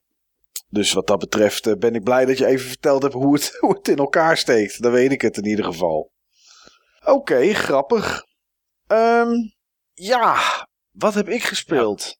Daar was ik dus net benieuwd naar. Ja, ehm, ik wil het hebben over twee games. En de eerste wil ik dus eigenlijk even aansluitend aan jouw eh, Mystic Quest hangen, zeg maar. Nou ja, een soort van. Eh, en dat is Lost Sphere. dat dacht ik al dat het hem zou zijn. Ja, het is een, eh, een RPG, eh, toevallig ook van Square Enix. Maar niet gemaakt door Square Enix, maar door de Tokyo RPG Factory. En ehm, ik moet zeggen dat ik dat niet zo'n hele chique naam vind. Want ik had ook wel een beetje het gevoel dat deze RPG uit een fabriek kwam. Ehm Lost Sphere is een hele standaard oldschool RPG. Die ik hier en daar ook zelfs te oldschool zou willen noemen. En eh, dat begint eigenlijk al bij het begin van de game. Waarbij je een scène ziet waar eh, er hier en daar wat gebeurt. Een slagveld en een koning. En eh, nou ja, alles kapot. En de koning is de laatste overlevende. En die fixt het laatste gevecht nog even. Nou, en zoals een goede RPG uit Japan sowieso in zich moet hebben. Word je daarna wakker. Nou, ik kan me geen RPG bedenken waarbij niet iemand wakker wordt op een, eh, ergens in een bed gewoon. Eh, neem een Zelda of nou ja, het maakt niet uit. Zoveel RPG's waarbij iemand wakker wordt. En dat is ook hier het geval. Je wordt wakker en jij blijkt niet die koning te zijn. Je hebt geen flauw idee wat je gedroomd hebt. En eh, ja, je, je kan er niet zo heel veel mee. En dan begin je onbezonnen aan de dag. Nou, dat vond ik vrij standaard. En dat is ook ja, dat is in ieder geval wat er uit deze fabriek qua opbouw komt rollen. En daarna is het het verhaal dat jij eh, de held bent. En dat is waar ik eigenlijk, Niels, waar ik bij jou op doelde, zeg maar, toen je zei van ja, je krijgt medespelers die sterker zijn dan, hè, dan dat jij bent, zeg maar. Toen ik het zat te spelen en dacht van ja, oké, ik ben de held en ik heb een kracht waarvan ik niet weet dat ik hem heb. Maar er zijn eh, mysterieuze figuren die tegen mij zeggen dat ik die kracht heb. Dacht ik, oké, dit heb ik echt al miljoenen keren gezien. En toen dacht ik ook van, zou het niet leuk zijn als je een keer niet de held bent? Maar dat er een NPC zou zijn die de held is en eh, dat jij ondersteunend bent aan zijn heldendaden. Nou goed, eh, dat is niet Lost Sphere. Goed, wat er... Nee, dat is Dragon Quest 5. Oké, ja, doet die dat? Nou ja, het, de eerste helft van de game. Dan ben je de zoon van de held. Ja, dat, nou, dat lijkt me toch wel verfrissend om dat een keertje te hebben. Je bent altijd een held die het zelf niet weet en die krachten heeft, maar die nog niet eh, ontwikkeld genoeg zijn. En eh, ja, het, Ja. het gaat altijd op die manier. Of de vader van de held bedoelde ik. Oh, de vader Maar van de held. Ja, oké. Nou goed, ehm los sfeer. Wat is er aan de hand? Er is eh, eh, iets aan de hand in de wereld. Jij bent degene die het op moet lossen. En wat er aan de hand is, is dat de helft van de wereld is lost. Die is eh, weg. En dat wordt dan geïllustreerd door een soort witte wolken die je op, eh, die je op de kaart ziet. En eh, niet alleen steden en delen van het bos zijn weg. Soms zijn er ook in steden stukken weg. Of een item of een persoon. En het is aan jou om die terug te halen. Althans, dat is niet jouw taak, maar dat is wel jouw kunnen. En daardoor word je overal ingezet om dat te doen. En hoe je dat doet, is eh, je voedt dat, hetgene dat lost is, dat voed je met memories. Memories die zijn uh, ja, normaal gesproken niet grijpbaar, maar in deze game wel. Het zijn een soort gems, een soort edelsteentjes. En daar zitten dan memories in. En die memories die kan je verzamelen door uh, of tegenstanders te verslaan die die memories op een of andere manier hebben opgeslokt van uh, de wijk, het gebied, de persoon, het item of wat dan ook. Um, of wat je kan doen is praten met mensen die bijvoorbeeld informatie hebben of dingen weten van een andere persoon. Dus stel, uh, uh, Niels is lost. Nou, we moeten Niels terugkrijgen. Dan ga ik met Steve, met jou ga ik praten. Jij vertelt iets. En dan komt er in beeld te staan: hey, dit is een memory. Druk op een knopje om hem te verzamelen. Nou, dat doe je. Heb je er vier, loop ik naar de plek waar Niels lost is geraakt. Uh, druk ik op de X, laat ik die memories los. En dan, ja, dan is Niels weer terug. Dat is zeg maar uh, wat je doet de hele tijd. Daar zitten battles tussen. Uh, uiteraard, want daar is het een RPG voor. Dat moet altijd met battles. Alleen meer dan dat is niet de loop van de game, zeg maar. Uh, je haalt memories op, je herstelt iets. Oh, we hebben je nu hier nodig, want groot gevaar, bla bla bla. Oké, nou ga je daar naartoe, ga je weer vechten en dan ga je, ja, dan los je dat, die memories los je weer in. Nou, hup, dat opgelost. Oh, dan ben je weer hier nodig. En zo loop je eigenlijk 25 tot 30 uur door het verhaal heen. Um, is niet heel erg aantrekkelijk na een paar uur spelen, kan ik je vertellen. Want het is erg, echt elke keer hetzelfde.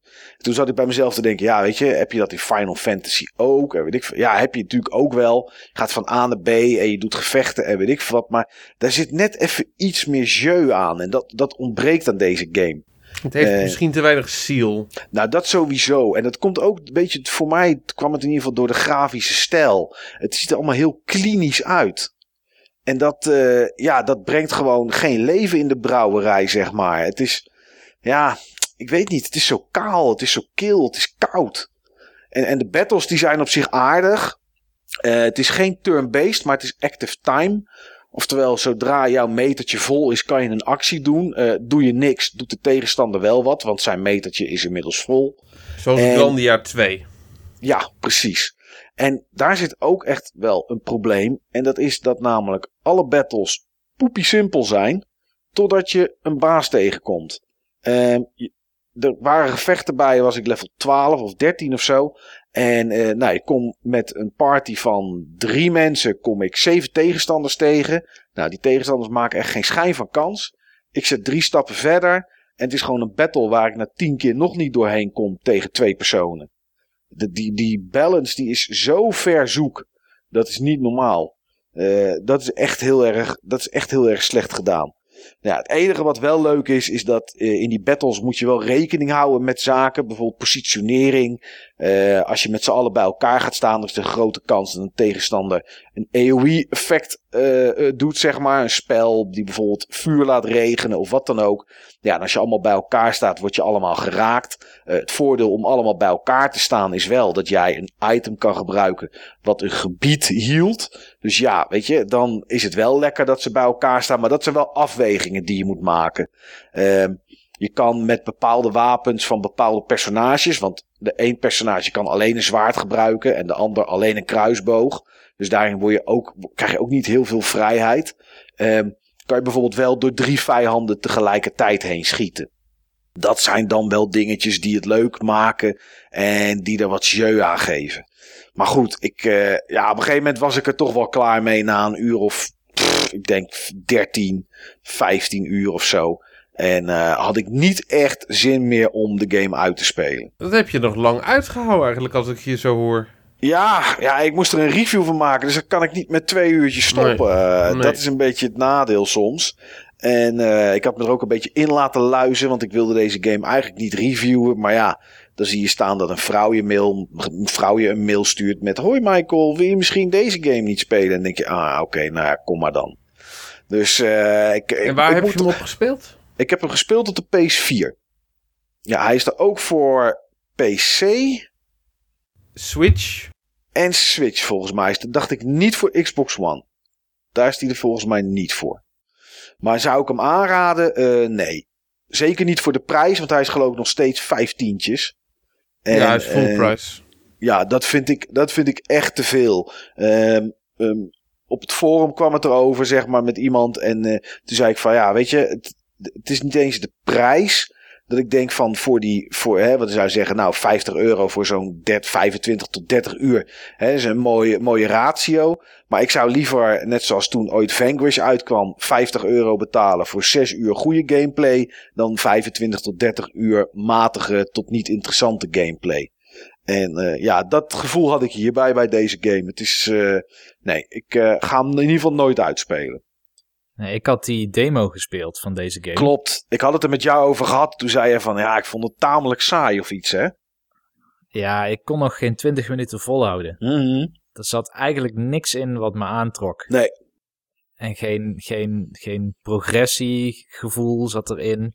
En dat is heel raar, want ik bedoel, het is dezelfde publisher als die bijvoorbeeld uh, vorig jaar een demo van Project Octopath Traveler heeft uitgebracht. Ja. Daar was ik heel erg enthousiast over. Dat is ook van de makers van uh, 3D Game Heroes of 3D Heroes, ik weet niet meer hoe het heet. Ja. En Bravely Default. Dus daar kun je wel meer van verwachten dan zo'n studio als deze die voor volgens mij alleen maar I am Setsuna. Ja, I am Setsuna of zo. Ja. ja. Maar goed, als, het lijkt het gewoon weer niet te zijn. En nee. ik weet zeker dat er getalenteerde mensen daar werken. Dus budget, jongens. Andere budget. Ook. Ook Ja. een factor. Nou ja, ik denk het wel. Het is, het is natuurlijk een soort B-label-achtig iets, zeg maar. Uh, het is niet hoofd. Ja, en daar komt dan dit uit. Ja, goed. Ik uh, had hem ook op mijn, uh, op mijn wantlist, Lost Sphere. Ja. Maar die is er vanaf nu. Ja, dat, zou ik echt niet doen. Het is... Nee, het is terg... Nou, tergend is overdreven. Weet je, de eerste drie, vier uurtjes wilde ik toch nog wel doorspelen. Ja, goed, ook omdat ik wel moest ook. Maar ik zoiets van, nou, het staat me ook niet heel erg tegen. Toen kwam ik in één keer een boss battle tegen. Dat ik dacht van, nou, hoe kan het nou dat ik in één keer gewoon weg ben ook? Gewoon binnen twee klappen of zo. Ik heb niet eens tijd om te healen. En als ik heal, dan heal ik voor 80. En deze gast doet 100 damage of zo. Dus het heeft helemaal geen nut. En toen had ik daar wel omheen getrukt. En toen kwam ik twee boss fights verder of zo. kwam ik er gewoon niet eens doorheen. Toen dacht ik, nou, laat dat maar zitten. Dan ben ik er ook wel klaar mee. Goed, de andere game waar ik het even over wil hebben, jongens, is een game die ik, ja, die is uh, twee keer heb je de kans gehad om die in een beta te spelen. En uh, de game is van, nee, komt morgen uit. Ja, morgen, de 22e komt die uit. Maar ik heb die twee beta weekenden gespeeld en ik had alvast een reviewcode gekregen, zodat ik vandaag er een beetje mee aan de slag kon. Nou, en als ik dat allemaal bij elkaar gooi, dan zeg jij natuurlijk, Niels. Dan zeg jij natuurlijk, Steve. Hmm, lastig. Nou, ik denk je gaat het zeggen, want met hmm begint het. Het is Metal Gear Survive. Ah. En uh, ik heb er nog nooit van gehoord. Echt niet? Nee. Oké, okay, nou, er zijn een hoop mensen die, uh, die daar heel erg tegen zijn. Uh, dat zijn allemaal mensen uh, waarvan ik. Uh, en oh, piep het maar... er gaat, gaat toch een belletje rinkelen, ja, inderdaad. Ja. Piep het maar weg als het moet, Niels. Maar dat zijn allemaal mensen met zand in hun. Waffel. Want die hebben namelijk op voorhand, op voorhand al uh, een soort van wrok. Want ja, Kojima is weg. En het lijkt in de verte verste niet op Metal Gear. En weet ik wat allemaal. En nou, dat laatste, daar hebben ze wel redelijk gelijk in. Maar dat wil niet zeggen dat het een slechte game is. En uh, wat ik tot nu toe gespeeld heb. Want ja, goed, ik heb er. Uh, in de beta's heb ik er denk ik een uurtje of zeven bij elkaar. Zeven, acht ingestopt.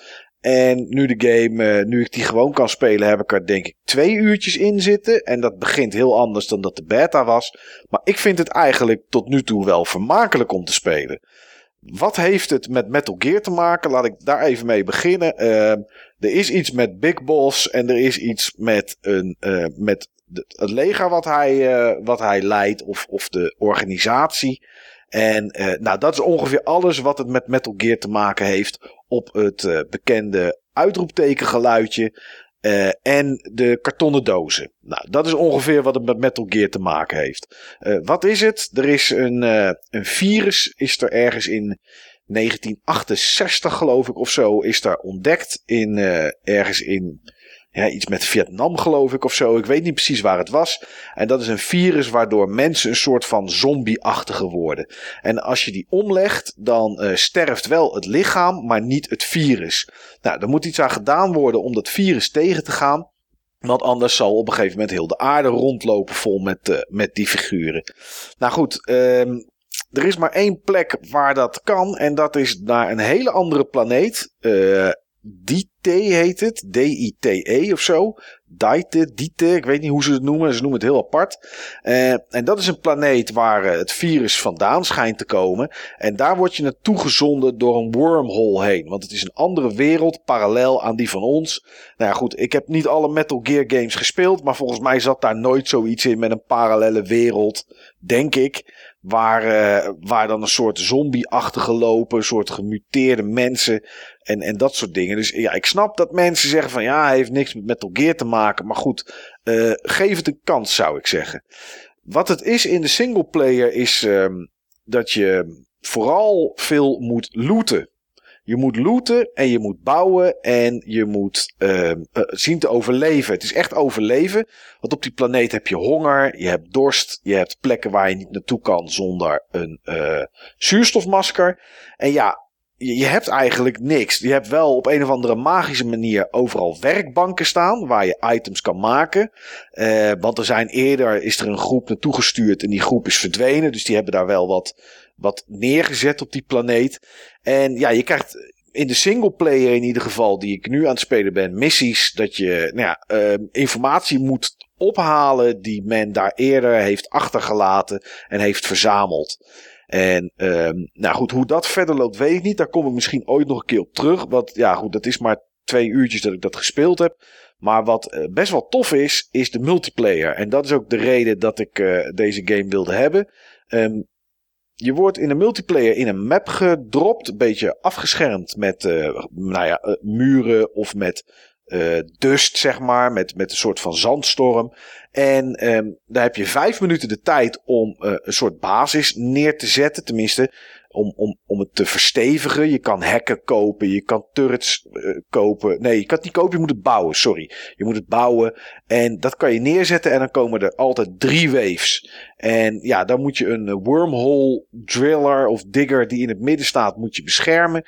En dat is best wel tof eigenlijk om te doen. Vooral met twee of meerdere mensen. En zeker als je die kent.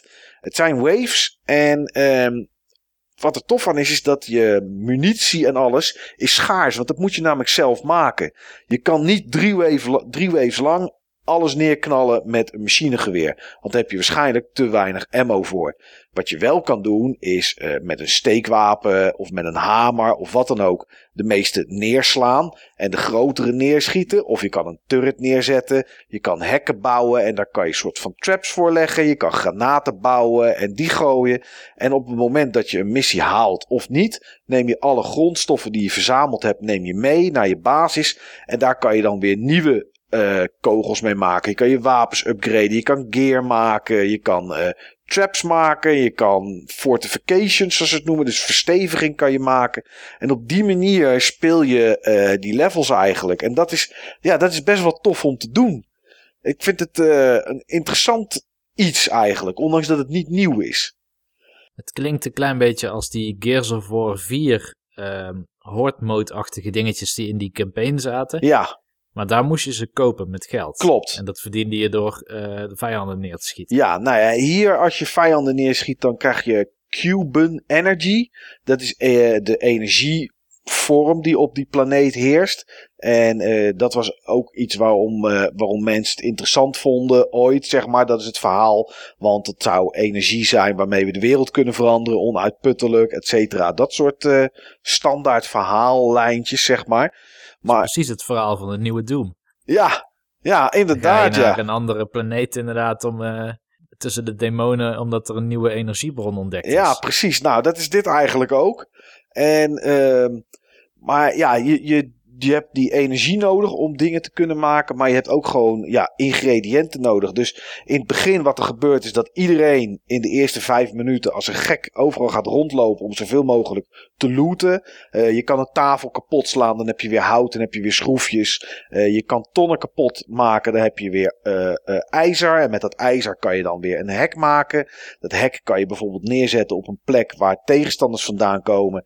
Dan staan ze erachter um, een beetje tegen het hek aan te duwen en dan kan je ze makkelijker kapot steken. Zijn er te veel, dan klimmen ze op elkaar en over het hek heen.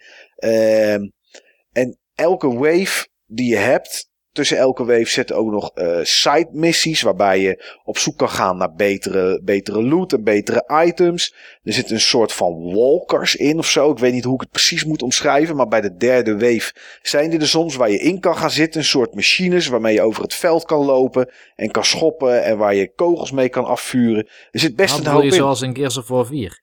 Uh, ik weet niet wat het in Gears of War 4 was ook alweer.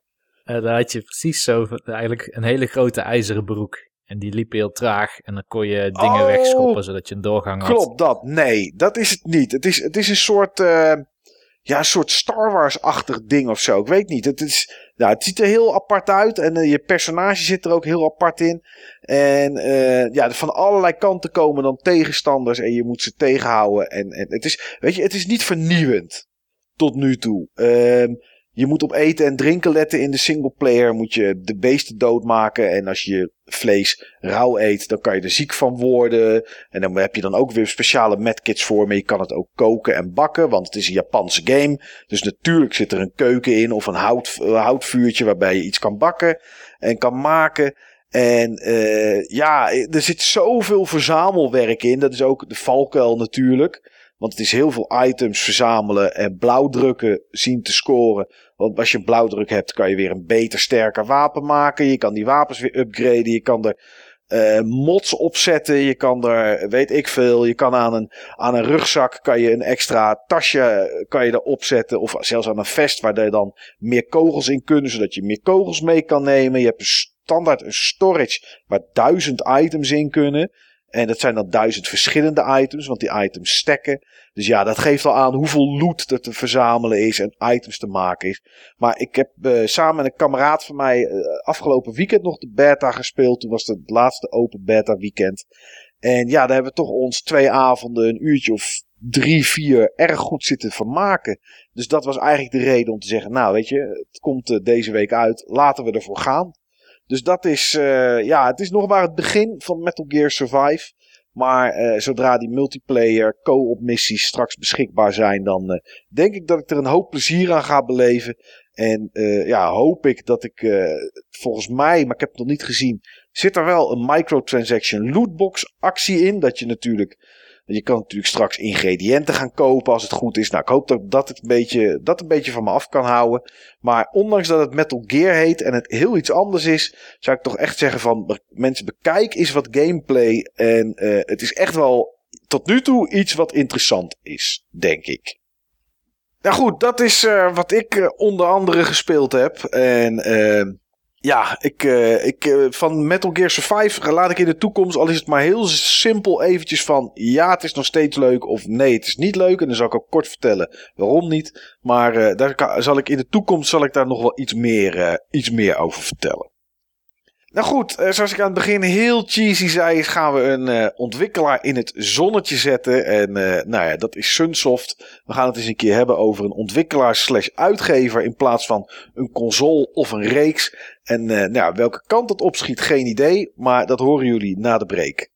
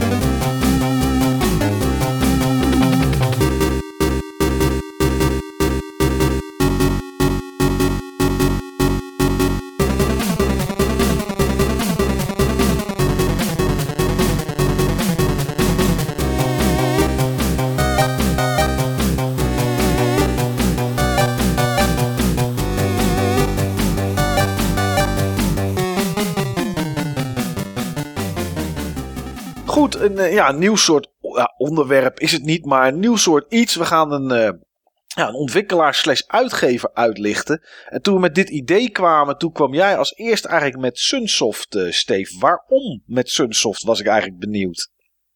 Ik wou niet voor een van de mm, vaste grote namen gaan. Oké, ja, snap ik. Ik wou geen Rare zeggen. Ik wou geen Konami of iets dergelijks zeggen.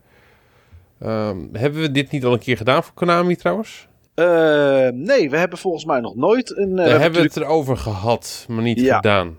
Bij LucasArts hebben we het oh, soort ja. van over een publisher gehad. Ja, ja, maar dat was helemaal in het begin van deze podcast. Ja. Ik denk zomaar dat het aflevering 8 of zo was. Denk ik. Maar dat is een gokje hoor. Ik, uh, ik ga het ook niet opzoeken. Maar ik denk dat het echt dat was inderdaad. Ja, daarna hebben we wel reeks gehad. We hebben natuurlijk Zelda een keer gehad. Star Fox en Castlevania. Maar nog nooit echt uitgever-ontwikkelaar inderdaad. Oké, nou ja, we gaan het uh, vandaag wel doen. En uh, wat ik eigenlijk me afvroeg. Is omdat jij ermee kwam, Steve. Was er vroeger in de tijd. Want dit is ontwikkelaar. Goed, die vooral in de NES en SNES-periode en Mega Drive, zeg maar, zijn furoren maakte. Was, was dat iets waar je op lette als je vroeger een game ging kopen? Lette je dan op de ontwikkelaar of uitgever? Ik lette daar wel op. Oké. Okay. Maar Sunsoft was niet een uitgever waar ik expliciet op lette. Oké, okay, oké. Okay. Maar ik je, je... dat als ik zeg maar een. Um, kijk, Nintendo, daarvan wist je gewoon. Dat is gewoon in principe altijd goed. En um, voor mij hadden doosjes geheel in het zilver een magische uitstraling. Oké. Okay. Ja, dus je keek wel naar van wie het afkwam, maar het was niet dat je er extra op lette of dat je dacht, oké, okay, het is van Sunsoft, om dit maar even als voorbeeld te nemen, dan moet ik het kopen, want dan is het goed, zeg maar. Dat had ik wel bij Konami. Oké. Okay. Ja. Dus vandaar doelde ik natuurlijk op met die zilveren ja. doosjes. Dus, uh, maar eh, op een gegeven moment zag ik, kijk, op een gegeven moment dan zit je door je, door je spellen uh, heen te gaan. Ja. Door, door je spellendoosje. Ik had zo'n ik had zo mooi uh, plastic doosje waar allemaal cards in zaten voor de NES. Op een gegeven moment vallen bepaalde dingen wel op. Ja, ontdek je wel een patroon in je eigen collectie. Hé, hey, hey, kijk. Ja. Het is, is dat logo, het is die uitgever. Ja. Had jij dat vroeger, Niels? Keek jij daarnaar, naar uitgevers en ontwikkelaars, als je een game kocht? Nee, eigenlijk niet als ik een game kocht. Maar ik herken het wel een beetje bij bijvoorbeeld Capcom. Op de Super Nintendo had je altijd, er stond Capcom. Dan had je zo'n... Ja. En dan dacht ik, oh, dat is deze ontwikkelaar. Die is ook van, uh, van Aladdin en uh, Street Fighter. Um, dus dat had voor mij dan wel uh, bijna een soort herkenning. kwaliteitsconnotatie. Ja, ja, ja. Oké. Okay. Maar niet met Sunsoft bijvoorbeeld. Nee, dat is een okay. developer die ik pas veel, veel later heb leren kennen. Maar het was ook niet zo dat als je dan een nieuwe game wilde kopen, dat je keek en dan zag je iets van Capcom en dan dacht je... En denk je, oh ja, dat, dat weet ik in mijn hoofd. Dan moet ik die game gaan kopen, zeg maar. Dat had je niet. Nee, dat had ik niet, nee. Nee, nee ik had het ook niet. Maar goed, ik deed natuurlijk bekende verhaal Commodore 64 en Amiga. Dus dat was allemaal kopieerwerk. Dus dat was zoveel mogelijk verzamelen. Dus ja, daar lette je er helemaal niet op. Maar ik had vroeger wel, en dat was op de Commodore 64, er was er, ik weet niet meer welke groep het was, maar er was zo'n groep die games kraakte. En die hadden dan als introotje wat ze voor de game zetten een logo van een adelaar met een floppy disk in zijn, in zijn bek. En uh, ja, dat was nog in de tijd dat ik super, super bleu was.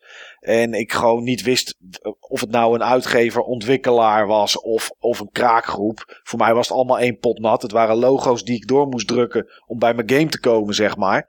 En had ik, had ik wel zoiets. Als ik dat zag, dacht ik: Oh, dit is een toffe game. Terwijl dat natuurlijk helemaal nergens op sloeg. Het was gewoon een groep die zijn handen had gekregen. ergens uh, hun vinger had kunnen leggen op een game. Ja, die hadden ze gekraakt. En hadden ze een protectietje uitgehaald of wat dan ook. En ja, weet je, dan, dan werd die game werd, uh, werd de markt opgeslingerd voor de, voor de, voor de piraatjes om, om door te kopiëren. Dus dat had ik, uh, had ik nooit zo heel erg. Later kreeg ik het wel. Toen kreeg ik het wat meer door. En dan had ik het bijvoorbeeld met Ocean. Als het een game van Ocean was, had ik toch zoiets van: oké, okay, daar moet wel iets van kwaliteit in zitten. Oh, grappig. Ik had het tegenovergestelde. Ja? Als het van Ocean was, dan had ik hele lage verwachtingen. Oké. Okay. Ja, misschien door een aantal. Ik zou ook niet zo 1, 2, 3 games weten op dit moment. Uh, nou, bijvoorbeeld de Pushover. Dat was zo'n puzzelspelletje met, uh, met domino's. Uh, dat was van Ocean. Of ze het gemaakt hadden of alleen uitgegeven had, dat wist ik niet. Ik zag gewoon het logo Ocean. Burger Time was volgens mij op de Commodore 64 was van Ocean. Platoon kwam er ook vandaan. Dat vond ik dan niet zo'n toffe game, maar het was wel Platoon. Dus ja, weet je, dat had Ocean in mijn ogen toch maar mooi even geflikt.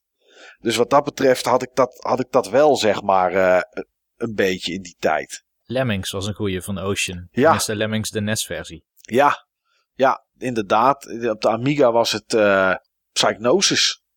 En volgens mij waren dat ook degenen die hem gemaakt hadden. En die... die hebben het ontwikkeld. Ja. En uh, Ocean was de publisher. Ja, inderdaad, ja. Psychnosis, daar had ik het misschien wel mee, jongens. Hé. Dat was wel, als ik dat zag, had ik wel zoiets van: oké, dit is ook kwaliteit. Maar ja, goed. Wat ja, LucasArts ook. LucasArts, ja, dat sowieso. Maar die, dat, weet je, daar zag je niet twee games per jaar van of zo.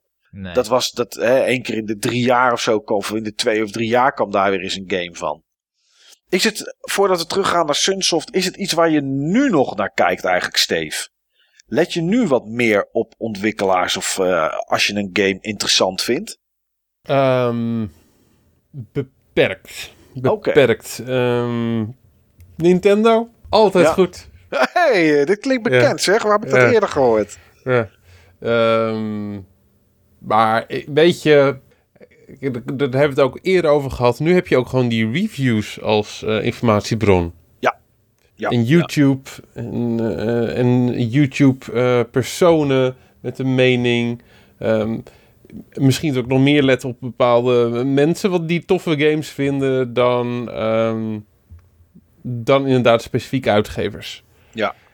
Ja, tegenwoordig zien we het natuurlijk ook meer. Hè? Vroeger zagen we natuurlijk misschien een keer een boekje en daar stond het dan bij en dat was het. En daarna lag het in de winkel. Uh, maar tegenwoordig zie je natuurlijk sowieso van de meeste games wel een trailer of drie, vier. Komt toch elke keer die naam van die ontwikkelaar en van die uitgever komt weer voorbij. Dus de nadruk ligt er ook wel iets meer op tegenwoordig, denk ik. Ja, ik heb dat dus wel met um, de ontwikkelaar, echt de personen achter zo'n game. Oké, okay, ja, de, de poppetjes achter een game, zeg maar. Ja. Oké. Dat is de reden bijvoorbeeld waarom ik Her Story toen heb helpen funden. Ja. Omdat ik wist van wie het was. En dat is de schrijver ook van die uh, Silent Hill remake. Hoe heet die ook weer? Shattered Memories. Ja. Um, en die was mij toen echt heel erg goed bevallen. Oké. En ik heb het met ik, ik, Nintendo is, is over het algemeen een publisher met een hele hoge kwaliteitsnorm. Ja. Maar binnen Nintendo, zeg maar, heb ik Koizumi. Dat is de, eigenlijk een beetje de lead van de nieuwe mainline Mario games. Die heb ik misschien wel het hoogst liggen. Die maakt eigenlijk nooit iets waar ik teleurgesteld in ben. Nee.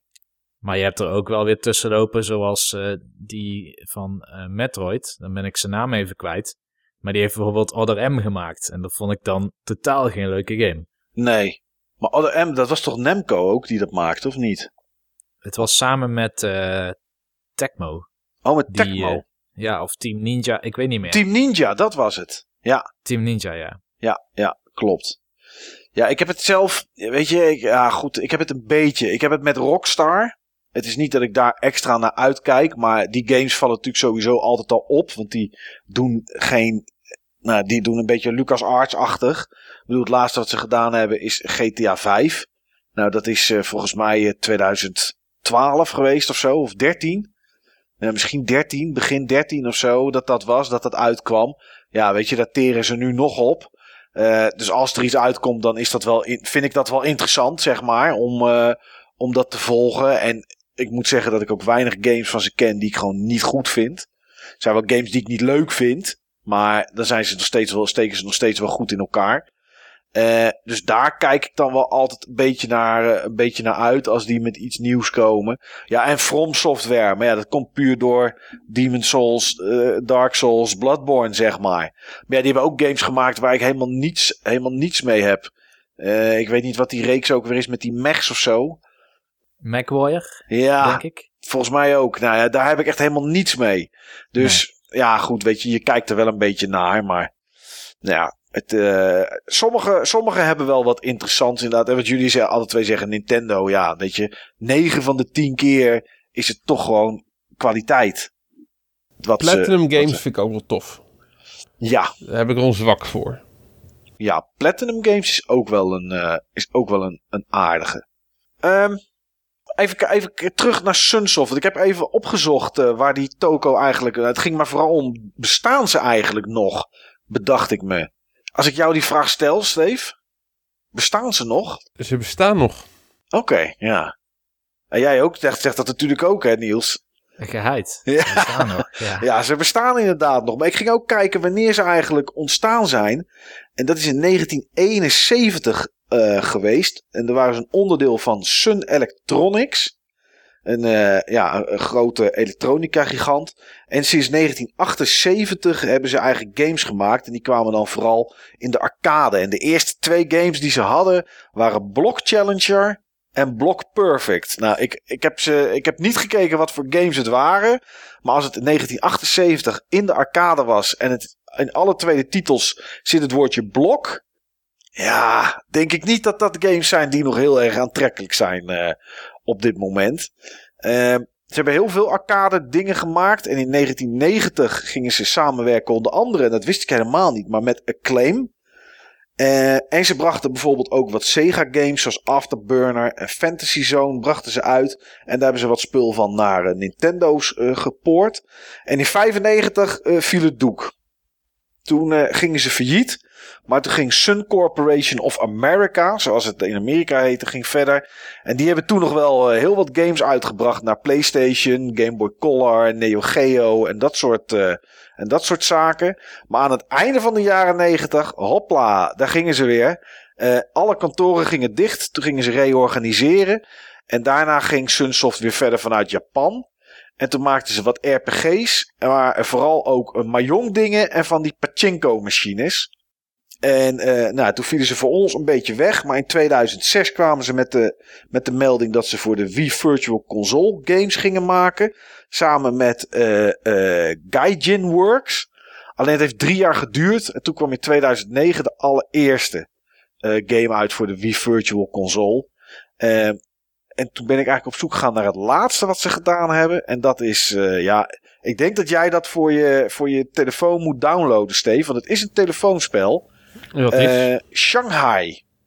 Uit, uit Shanghai. tweeda- Shanghai uit 2017. Dat is het het laatste. niet. Ja, ik denk dat het, eh, het zal vast een of ander kaartspel of een Is het bordspel gewoon iets zijn. de Shanghai? Nee, het heet gewoon Shanghai. Ik weet het niet wat het voor de rest is. Ja. En, eh, maar het is eh, uit uit 2017 en het is voor de mobiele, voor de mobiele, mobiele markt. En eh, ja, dat is het laatste wat ik kon vinden en ook het laatste wat op stapel stond, zeg maar. Dus ja, er is misschien toch iets minder van over dan, dan dat het ooit was in, in de tijd dat het zijn hoogtijdagen had. Toch zie ik ze nog wel eens terugkomen. Want dat soort spotjes hebben ze wel. Ja, Bijvoorbeeld, ze hebben toch ook een eh Blaster Master Overdrive voor de Wii nog gemaakt. Dat was Ja. een compleet nieuwe game. ja klopt. Blaster Master Overdrive voor de Wii was 2010 volgens mij. Ja, En eh, eh, dat hebben ze inderdaad nog gedaan, ja. Maar dat was inderdaad, toen was het vier jaar stil geweest of zo. Want toen hadden ze in 2006 een mobiele game gemaakt. En in 2003 de laatste console game. En dat was Clock Tower 3 voor de PlayStation 2. Dus ja, inderdaad, zeven jaar lang niks voor een console gedaan. En eh, toen in één keer waren ze er. Weer met Blaster Master inderdaad, ja. ja. Maar, eh Steven, heb jij veel Sunsoft games gespeeld? Vroeger. Ik heb er hier drie voor me liggen. Oké, en zijn dat die ze ook gemaakt hebben of uitgegeven hebben alleen? Volgens mij in dit geval alle drie gemaakt en uitgegeven. Oké, nou ik ben wel benieuwd. ik heb er nog wel eh, meer hoor, maar ik heb er hier drie liggen die ik specifiek eh, uit wou lichten. Oké, nou ko- kom er maar met eentje. Ik ben wel Dus ze benieuwd. hebben alle drie iets gemeen met elkaar. En dat is of Dat- platform, of het is alle drie met schieten. Verschillende dingen hebben ze Oh. zelfs gemeen eh, met elkaar. En ze hebben allemaal goede muziek waarschijnlijk. En ze hebben best wel veel met een gemeen met elkaar. Eigenlijk, is het ook een, eigenlijk is het ook muziek in games 5, toch? Dit. Nou, eh, als jij dat wil. Ik zal alleen maar Sunsoft muziek onder deze aflevering zetten. Nou, dat is netjes. Daar is zat van. Daar is zat van. Ehm, ik ga beginnen met een game die om verschillende redenen een speciale game voor mij is. Ehm, dat is Batman op de NES. Ah, kijk, die ken ik. De belangrijkste reden omdat een gave game, eh, dat een bijzondere game voor mij eh, is, is dat het een game is die ik altijd ehm, huurde. Mhm. Die mijn ouders huurden. Bij de Nintendo Take. Ik wou net zeggen. was dat bij de Nintendo Take? Dat was maar bij dat de was Nintendo het. Take. En ehm, dat, ehm, ondanks dat ik hem echt vaak heb gehuurd. En ik heb hem uiteindelijk ook een paar keer van een vriend geleend. Want toen had een vriend hem ook. Dus dat scheelde weer lenen. Heb ik hem nooit uit weten te spelen. Nee, dat is best pittig. Die is pittig. En Ja. ik, kon, eh, ik ben een paar keer bij de Joker gekomen, maar kon de Joker niet verslaan. Nee. Ik heb hem zelf nooit gespeeld. Eh, want ik ging in mijn collectie kijken en ik blijk dat ik geen, sowieso geen enkele Sunsoft game in mijn collectie heb. Eh, misschien een PlayStation titel, maar volgens mij ook niet. Eh, maar deze game heb ik eh, eh, redelijk vaak niet gespeeld, maar gezien. Want het is een geliefde game om te speedrunnen tijdens speedrun events. En, eh, Batman. Batman voor de NES, ja. En dat is wat ik er tof aan vind en waar ik waarom ik ook elke keer wel kijk, is dat er nog steeds nieuwe strategieën en een hoop. ja, je moet er echt wel skilled voor zijn om te hangen aan een, aan een stukje muur en dan te door te springen naar een andere muur en weer te gooien met een batarang of wat dan ook. En dat is, daar is- het is echt wel een toffe game. Ik zal je een geheim verklappen. Ja? Zo vertelde ik het niet. Zo speelde ik het vroeger niet. Nee. Zo speelde ik het vroeger niet. Hoe speelde je Dus, het wel? Nou, laat ik het zo zeggen. Ik, ik, ik kon het best aardig. Ja. Eh, want het is zo'n game waarbij je zeg maar eh, moet proberen om in de eerste keer gewoon zo ver mogelijk te komen. Want dan heb je allemaal upgrades en heb je zeg maar allemaal ammunitie voor je wapens. En als je het later zeg maar het spel in een bepaald level weer moet herpakken, dan, ehm, ben je een beetje gehandicapt. Ja. Maar eh, ja, ik, ik, ik vond het een gaaf spel. Ik vond het een gaaf spel. Eh, het spel heeft he- echt heel veel elementen, zeg maar, die ik, die ik, waar ik graag over vertel. Dit is een spel, behalve de eerste keer dat ik het speelde, was niet, zeg maar, van de Nintendo Take. De eerste keer dat ik het speelde, was bij de, een demo-pod van de Bart Smit. Oh, oké. Maar van mag ik dat spel spelen? Ja. En hij is toen niet meegegaan. Volgens mij is Robo Warrior toen meegegaan. Oh, oké. hoofd. Dus dat weet ik niet zeker, maar ik denk dat Robo Warrior toen is meegegaan. Dus, eh, dus ook een stukje, een stukje nostalgie. En ehm, wat daarnaast, wat deze game ook speciaal maakt voor mij, ik ga het zo meteen ook nog over de game hebben hoor, is eh, dit is de eerste game die ik in feite retro verzameld heb. Oké, toen je begon met dat je dacht van ik ga retro games verzamelen, was dit de eerste titel die je kocht. Ja, en eigenlijk nog voordat ik retro games ehm, ben gaan verzamelen, actief op, op Palrox. Ja. Ehm, toen ik mijn appartement heb gekocht, toen heb ik zeg maar mijn, ehm, mijn, mijn kamer ont- ontruimd bij mijn ouders. En toen had ik al mijn doosjes weer gevonden van mijn NES games. Mhm. En toen heb ik al mijn NES games in plaats van dat koffertje in doosjes gedaan. Ja. En heb ik ze netjes uitgestald, eh, zeg maar, op, eh, in- de kast waar een, een deel nog steeds ligt. En ehm, toen bedacht ik mezelf van, joh, ehm, ik, ik heb eigenlijk alleen die 24 spellen die ik vroeger had. Ik had er 24. Meer paste er niet in het koffertje. Ja, zonde als je er een naast moet leggen natuurlijk. Ja, ja, ja. Nee, dat is toeval. Dat is toeval. En ehm, eigenlijk zou ik ook wel de games willen hebben die ik vroeger ehm, huurde, leende. En toen ben ik zeg maar eh, wat games dan erbij gaan, ehm, gaan kopen en verzamelen. En dat waren Powerblade, Maniac Mansion, Batman, Mario Bro- Bros. plus Duck Hunt en Mega Man 2. Oké. En toen was mijn, verz- mijn verzameling klaar. Toen was Ja, ik klaar. Toen hoefde ik eigenlijk niet meer dacht je. uitverzameld. Tada, klaar. Ja. Dus, eh, maar Batman was daarvan de eerste. Gekocht eh, eh, van een Fransoos op eBay. Oh, oké. Weet je nog wat je ervoor betaald hebt destijds? Nee, nee. Nou, waarschijnlijk niet heel veel, denk ik. Nee. Nee. Dus eh, hij zag netjes uit en eh, ik heb hem toen uit eh, Frankrijk laten komen. Oké. Ja. Ja, grappig Dus, zeg. ja, maar ik vond het echt een, een toffe, toffe platformer. ja. Dus gedetailleerde sprites, vrij klein. En het is inderdaad gewoon zeg maar dat... ja, gewoon die, gewoon die flow die in die game zit en de muziek. Ja, gewoon gaaf. Ja. Ja, het is echt wel, een leuk spel. Wel een titel dat ik denk van... Oké, weet je, als ik een keer iets, eh, iets op de NES zou willen spelen... is dit wel een game die ik een keer zou willen proberen. Gewoon omdat, het, ja, omdat ik het zo vaak gezien heb. En misschien als je het dan zelf speelt, valt het tegen. Eh, dat kan natuurlijk. Dat, dat, nou ja, goed, zo werkt het nou eenmaal. Maar eh, het is wel, ik vind het wel een interessante game. Dat moet ik wel zeggen. En toen ik door die lijst aan het gaan was met games, viel me ook op dat ze best wel redelijk wat Sunsoft best wel wat games met, met superhelden dingen. Want ze hebben een hele reeks met die Batman games gemaakt. Maar ook, ook met Superman zag ik, eh, zag ik wat Ze games. hebben eh, die license van Batman goed gebruikt. Ja, Dat Batman hebben hebben ze, eh, natuurlijk gemaakt op, op verschillende systemen. Niet overal. Op sommige systemen was die van Ocean, geloof ik. oké. Ze hebben in ieder geval een, een Mega Drive versie van Batman eh, gemaakt. Eh, ze hebben een PC Engine versie van Batman gemaakt. Ze hebben Batman Re- eh, Return of the Joker, Revenge of the Joker. Ja, Ook een leuk spel, ken ik dan niet zo goed. Ja, ze hebben, ze hebben Batman hebben ze goed uitgemolken. ja, inderdaad. Ja, daar hebben ze, daar hebben ze goed aan verdiend. eh. Ik had er een stukje over gelezen van hoe ze die IP-rechten gekregen hadden. Maar dat is de Amerikaanse spin-off van Sunsoft. Het waren gewoon een paar Amerikanen.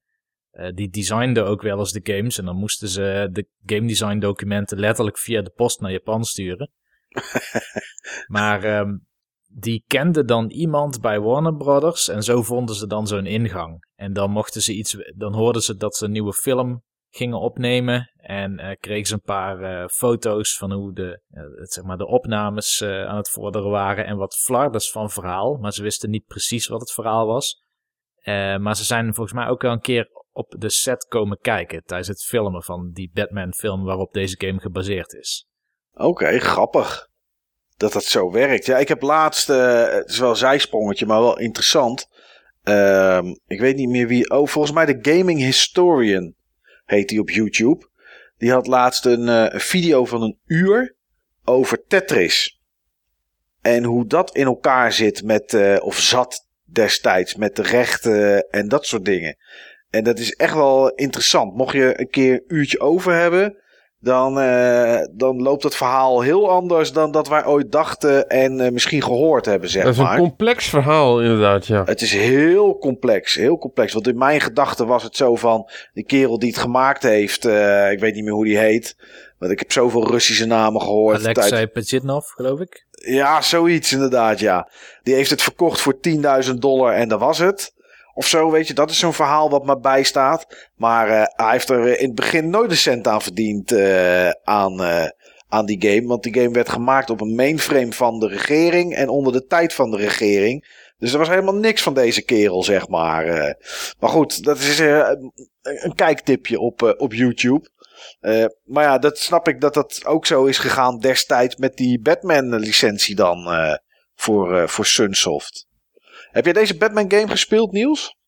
Ja, toen we vorige week overeenkwamen dat dit het onderwerp zou worden van deze aflevering, Ja. Sunsoft. Toen ben ik gaan kijken welke games ik in mijn bezit had. En eh, die heb ik allemaal even in de NES gestopt. Het zijn ook allemaal NES-games die ik in mijn bezit had. Ja. Eh, ja, ik heb ook Lemmings voor de SNES, maar eh, goed, die heb ik al genoeg gespeeld. Maar Batman was zo'n game die ik wel een keer heb gehuurd, toen het te moeilijk vond.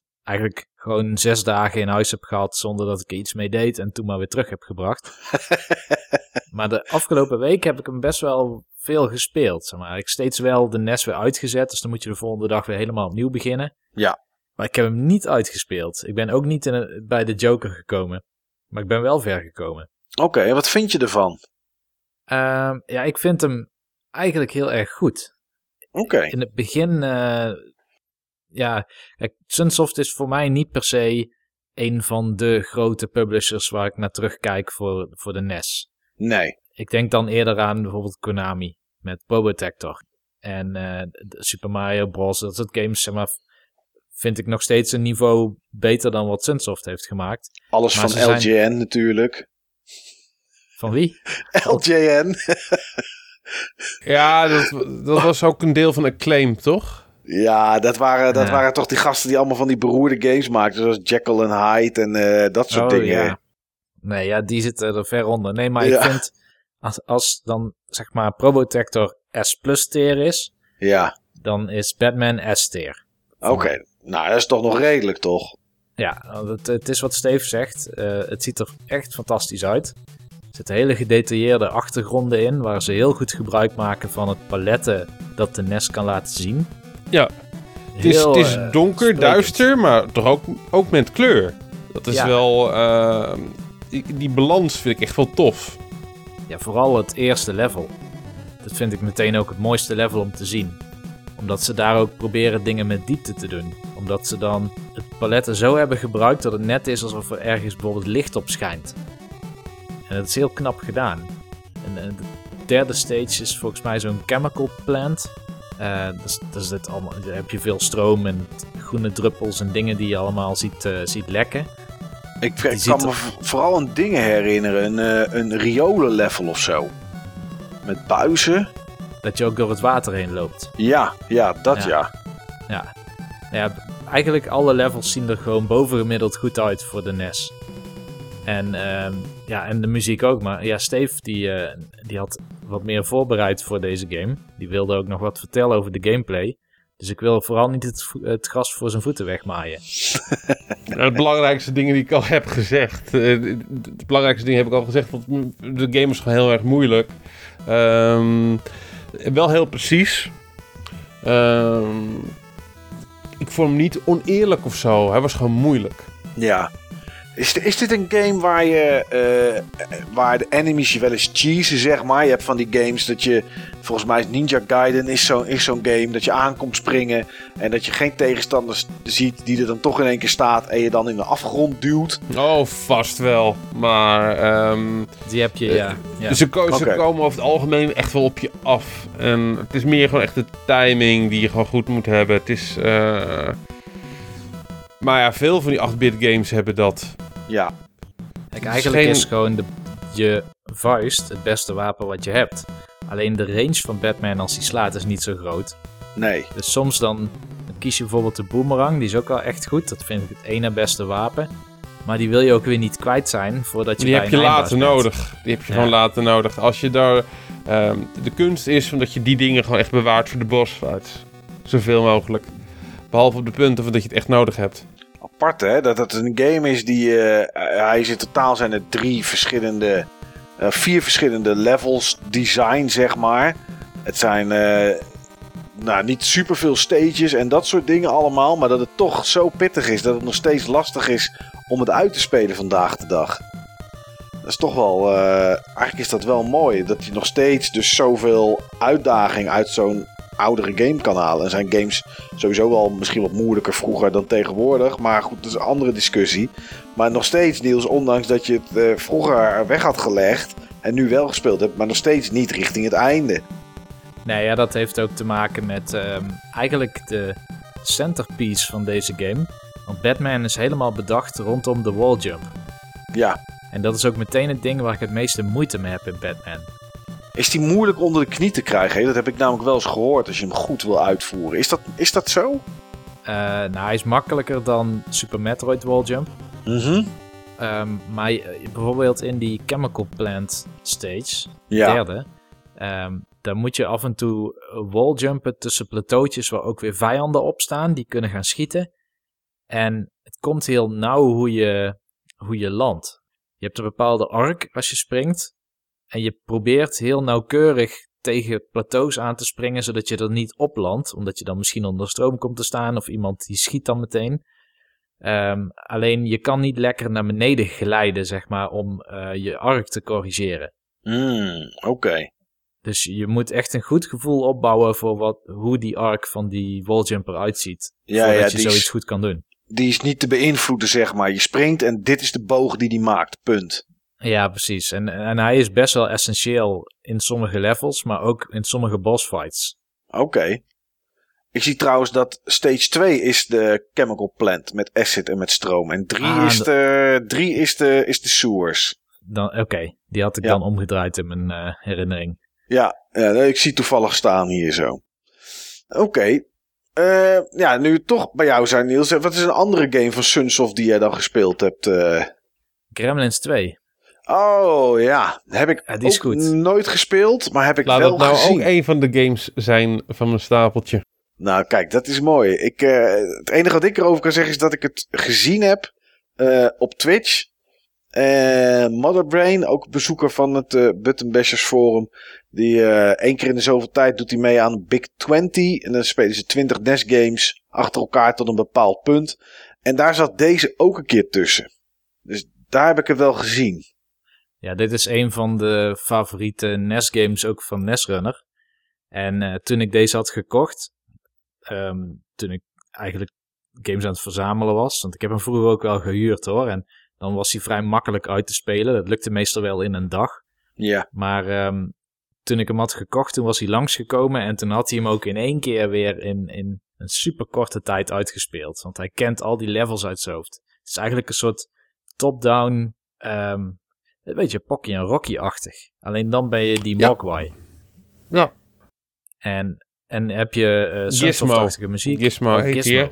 En eh, je kunt af en toe zo'n winkeltje in. En er zit dan die oude man. In Ja. de film koop je daar, hoe heet die, Mingo of zo? Of Ik weet niet meer.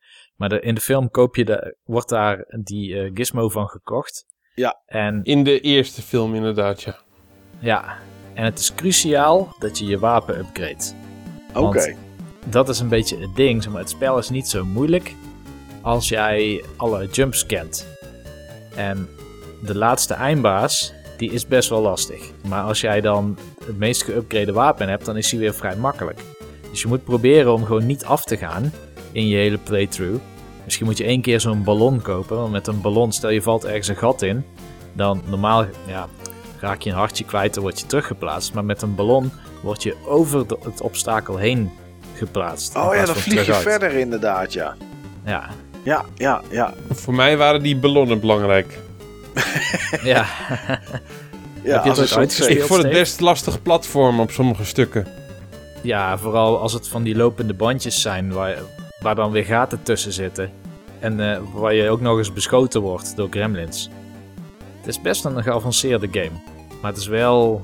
Ik denk dat dit mijn favoriete Sunsoft game is. Oké. Heb jij hem uitgespeeld, eh, Steve? Ja, via grinden. Oké. Echt gewoon zeg maar dan dingetjes aan het grinden was om alles te kunnen kopen. Zodat je zeg maar al zijn items kan kopen van die oude man. Ja, dat je gewoon gebufft was. eh gebufte gizmo. Ja, dat had je zeg maar. Je kon hartjes kopen en. eh, en die, ex- die extra levens en die ballonnen. Ik had het allemaal nodig hoor. Ja. Ja, goed, hè, als het kan. Als het in de game zit en je kan het Ja, ja. bij elkaar rapen. Ja. Ik bedoel, eh, waarom zou je het niet gebruiken? Ik vond het echt een leuk spel dit. Ja, Is dit ook Dus, een eh, game die je vroeger er gehuurd had? Of... Nee, ik had hem zelf. Ik had Oh, je had hem zelf. Ja. Ehm, ik vond het best een lastig spel, maar uiteindelijk had ik hem door echt, omdat ik echt hele, ik, ik bleef hem spelen, spelen, spelen. Volgens mij had ik hem nog steeds in een week uitgespeeld. Ja. Ja, gewoon de levels leren en de placement van de enemies, zeg maar. Dus Ja. waar staat welke tegenstander. En dan, eh, Het is geen lang spel, het is een kort spel. ja. Als je alles weet, zou je er met, weet ik veel, twee uurtjes doorheen zijn misschien of zo? Ja, in principe kun je hem denk ik een half uurtje al uitspelen als je echt, alles, als je echt alles weet. Ja. Maar ehm, dat zal ik nooit gered hebben hoor. Dat, eh, ik had waarschijnlijk wel dat ik dan ergens dood ging toen ik dan weer van vooraf aan moest eh, beginnen. Ik vond het echt een tof spel. weet je wat het grootste nadeel is van het spel? De titel. Ik ben zo lang op zoek geweest naar Gremlins 1 voor de NES. Er is geen Gremlins 1. Nee, want het is de titel van de film. Ja, dat klopt. Dat klopt. Die oude man ehm, waar je het net over had, die shopkeeper. Volgens mij is die in de film ook gewoon dood. Ja, Volgens mij gaat 2. hij aan het einde van deel 1 dood of zo. Want dan is er volgens mij een gevecht in die winkel of iets. Het eindigt in een winkel. En volgens mij gaat hij daar kapot, toch? Ik dacht dat hij... eh, nee, volgens mij gaat hij gewoon, was hij tussendoor al ehm, aan ouderdom gestorven. Oh, oké. Volgens mij was dat juist een van de, van de, van de plothooks van eh Gremlins 2. Volgens mij kwam hij in de eerste film juist eh, Gizmo weer ophalen aan het eind van de film. Oh, dat hij hem meenam omdat hij vond dat er niet goed voor gezorgd werd. ja, eh. precies. Dat was het volgens mij. Ja, Wat ook nog wel een nadeel is, is de muziek van het eerste level. Daar krijg ik echt een nagevoel van. oké. Het zijn van die hele... Werkt op je zenuwen of is het gewoon een eerie ge- geluid, zeg maar? Dat het heel... Ja, dat tweede. Het is een eerie geluid. De akkoorden die gespeeld worden. Oké. Apart. Is dat ook iets wat, jij, eh, wat in jouw geheugen zo staat, eh, Steve? Of... Nee, misschien als ik het hoor. Ik, ben Ja, het even, ik ben het even kwijt. ja, dat zou natuurlijk kunnen inderdaad, ja. Ik had van tevoren ook allemaal Sunsoft muziek ehm, willen luisteren. Ja, Maar dat is er niet volledig van gekomen. Hmm. Dan ben ik benieuwd, Steve. Want jij zegt, ik heb hier drie games voor me liggen. Ja, ik zou ook heel graag iets... iets maar ik heb, ik heb nog nooit een Sunsoft game gespeeld zelf, jongens. Dat is toch wel apart eigenlijk. Als je het lijstje van PlayStation games eh, bekijkt, zeg maar... Dan eh, ja, zit daar één tussen dat ik me gewoon schaam... dat ik die niet gespeeld heb. En dat is Barba Papa. Ze hebben in... Dat is de derde. Ze hebben in, Dat is de twee, derde. eh, in 2001, ik weet niet of ze hem uitgegeven hebben of ontwikkeld. Maar eh Barbapa, nee.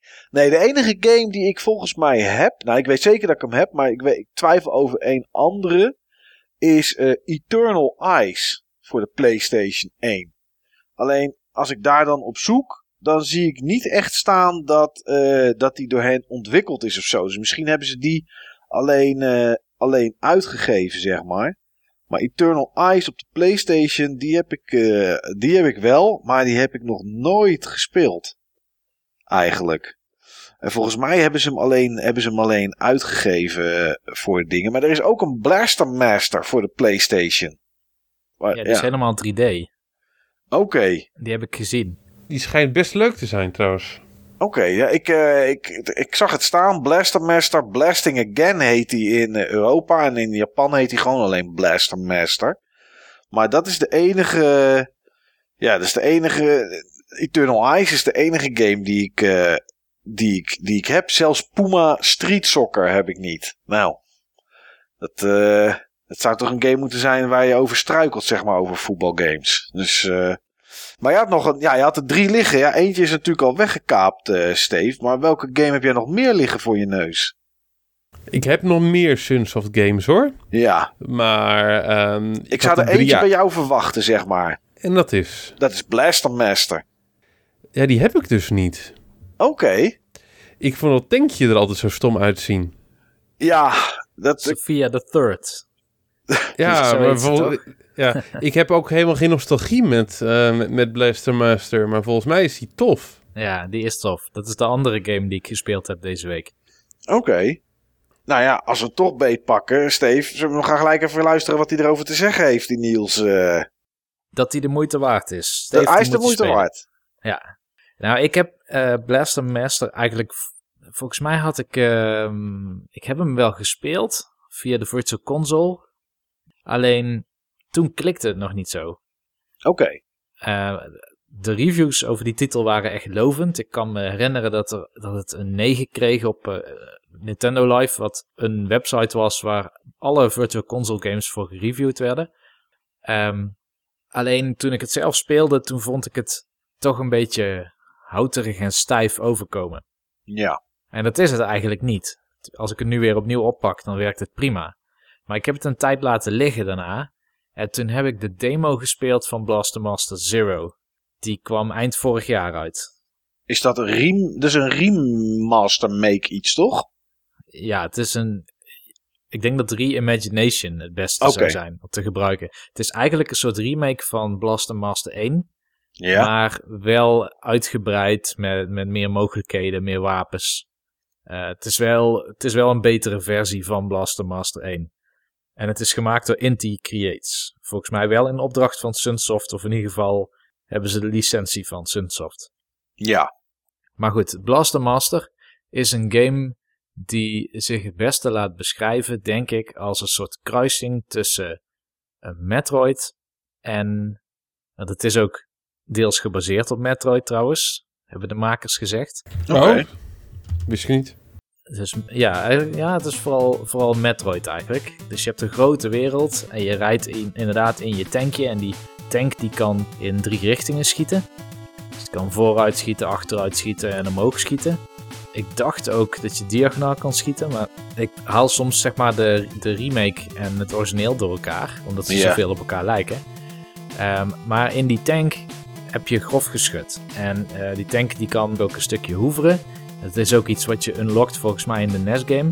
Ehm, maar die tank die wordt geleidelijk aan beter in het spel. Omdat je meerdere upgrades krijgt. Bijvoorbeeld een, eh, een, een, een dikkere kogel. En daarmee kun jij rotzooi aan de kant schieten. En creëer je een tunnel waar je eerst niet door kon.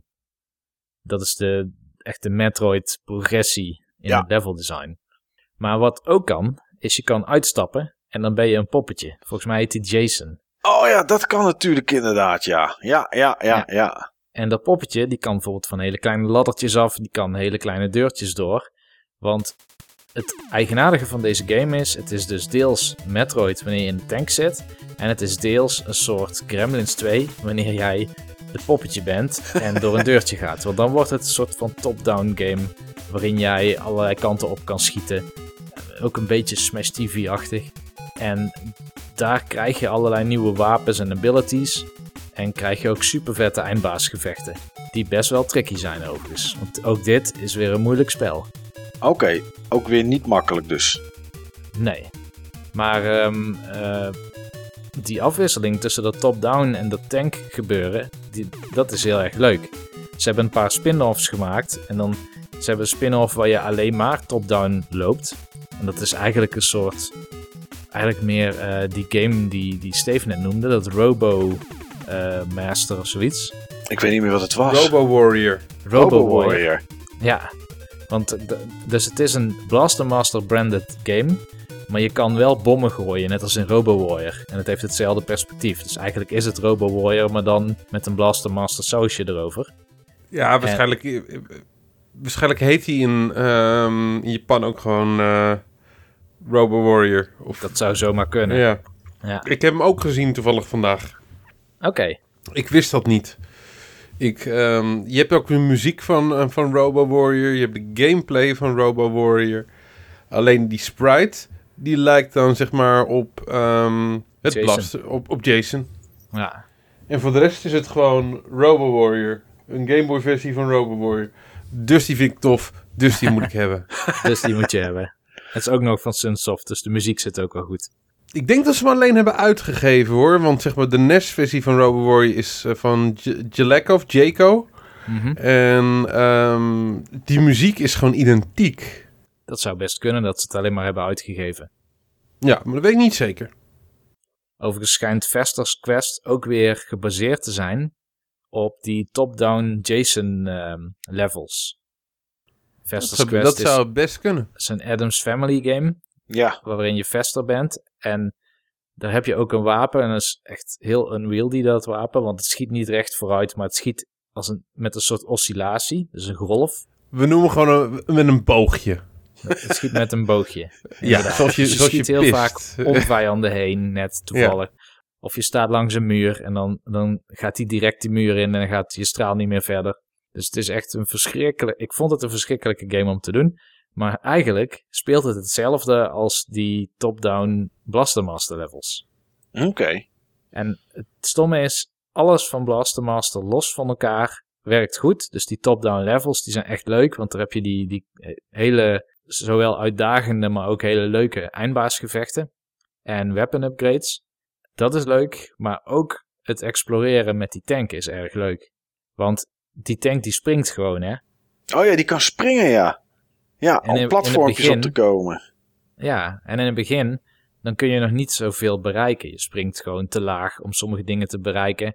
Of de kogels die gaan niet door een bepaalde barrière heen. Maar geleidelijk aan het spel, dan krijg je dus die upgrades om dat wel allemaal te kunnen. En dan wordt het een deels navigatie en, en deels ook gewoon een hele toffe action game. Oké. Nou, Wat een positiviteit eh, over deze uitgever-ontwikkelaar, jongens. Sunsoft met de Blaster Master. Oké. Ja. Nou, Steve, dan gaan we toch weer terug naar jou, zeg maar. Want het was niet Blaster Master die je nog voor je hebt liggen. Nee, ik heb mijn, eh, mijn favoriete Sunsoft game heb ik voor me liggen. Eh, de Sunsoft game waar ik eigenlijk het meeste mee heb. Oké. Oh, dat maakt me altijd... Als je dat zo gaat zeggen, maakt het me En dat altijd is zo... Fester's Quest. Oh, toch wel? Oké. Ja, joh, is wat, wat- Terminator. Nee, dat is Fester's Quest. Echt waar? Ja. Is dat je favoriete Sunsoft game? ja, dat is mijn favoriete Sunsoft game. Ga weg. Ja. Ja, dat is gewoon de game waar ik zeg maar de meeste nostalgie eh, mee, eh, mee heb. Oké. Dat is zeg maar de, de game van, eh, van Sunsoft die ik het langst heb gespeeld. Want Gremlins 2, die had ik eh, vrij snel uitgespeeld. Die heb ik vaak nog aangeraakt hoor. Batman, die had ik niet zelf. En Festus Quest, daar heb ik echt, eh, heel, die heb ik echt heel veel gespeeld. Ehm, daar heb ik echt moeite voor moeten doen om hem uit te spelen. Dat geloof ik meteen. Met het afschuwelijke wapen. Ja. Dus, eh dus een, Afschuwelijk wapen. De beste game van Sunsoft. één apart wapen wat, wat anders speelt dan je gewend bent, maakt het nog niet een slechte game. Oh, ik zie het nu inderdaad, joh. Dat ik, die balletjes komen er draaiend uit, joh. Dit is ook trouwens ook een game hè, van Sunsoft, de Amerikaanse afdeling. Maar die is dan weer ontwikkeld in Japan. Dus dat is ook weer met papieren documenten die dan over de post worden gestuurd.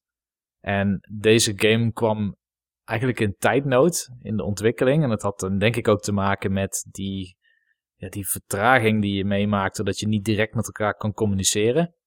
En daarom zijn er een aantal ideeën ook niet ingekomen en heeft het Japanse programmeerteam zelf maar bepaalde beslissingen gemaakt om hun milestones te halen. Er zouden meer mechanics in zitten. Je hebt een heel lang artikel over de ontwikkeling van Festus Quest, maar ik weet niet meer welke. Oh, die ga ik wel vinden.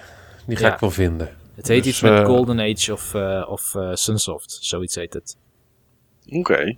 Nee, ik, vond het, ik vond het echt een leuk spel om gewoon door die wereld eh, te dolen. Op zoek naar upgrades en op zoek naar, naar de huizen. Waar je dan zeg maar tegen de bazen moest vechten. En, eh, en die huizen, daar kwam je zeg maar in een, ehm, in een 3D-wereld terecht.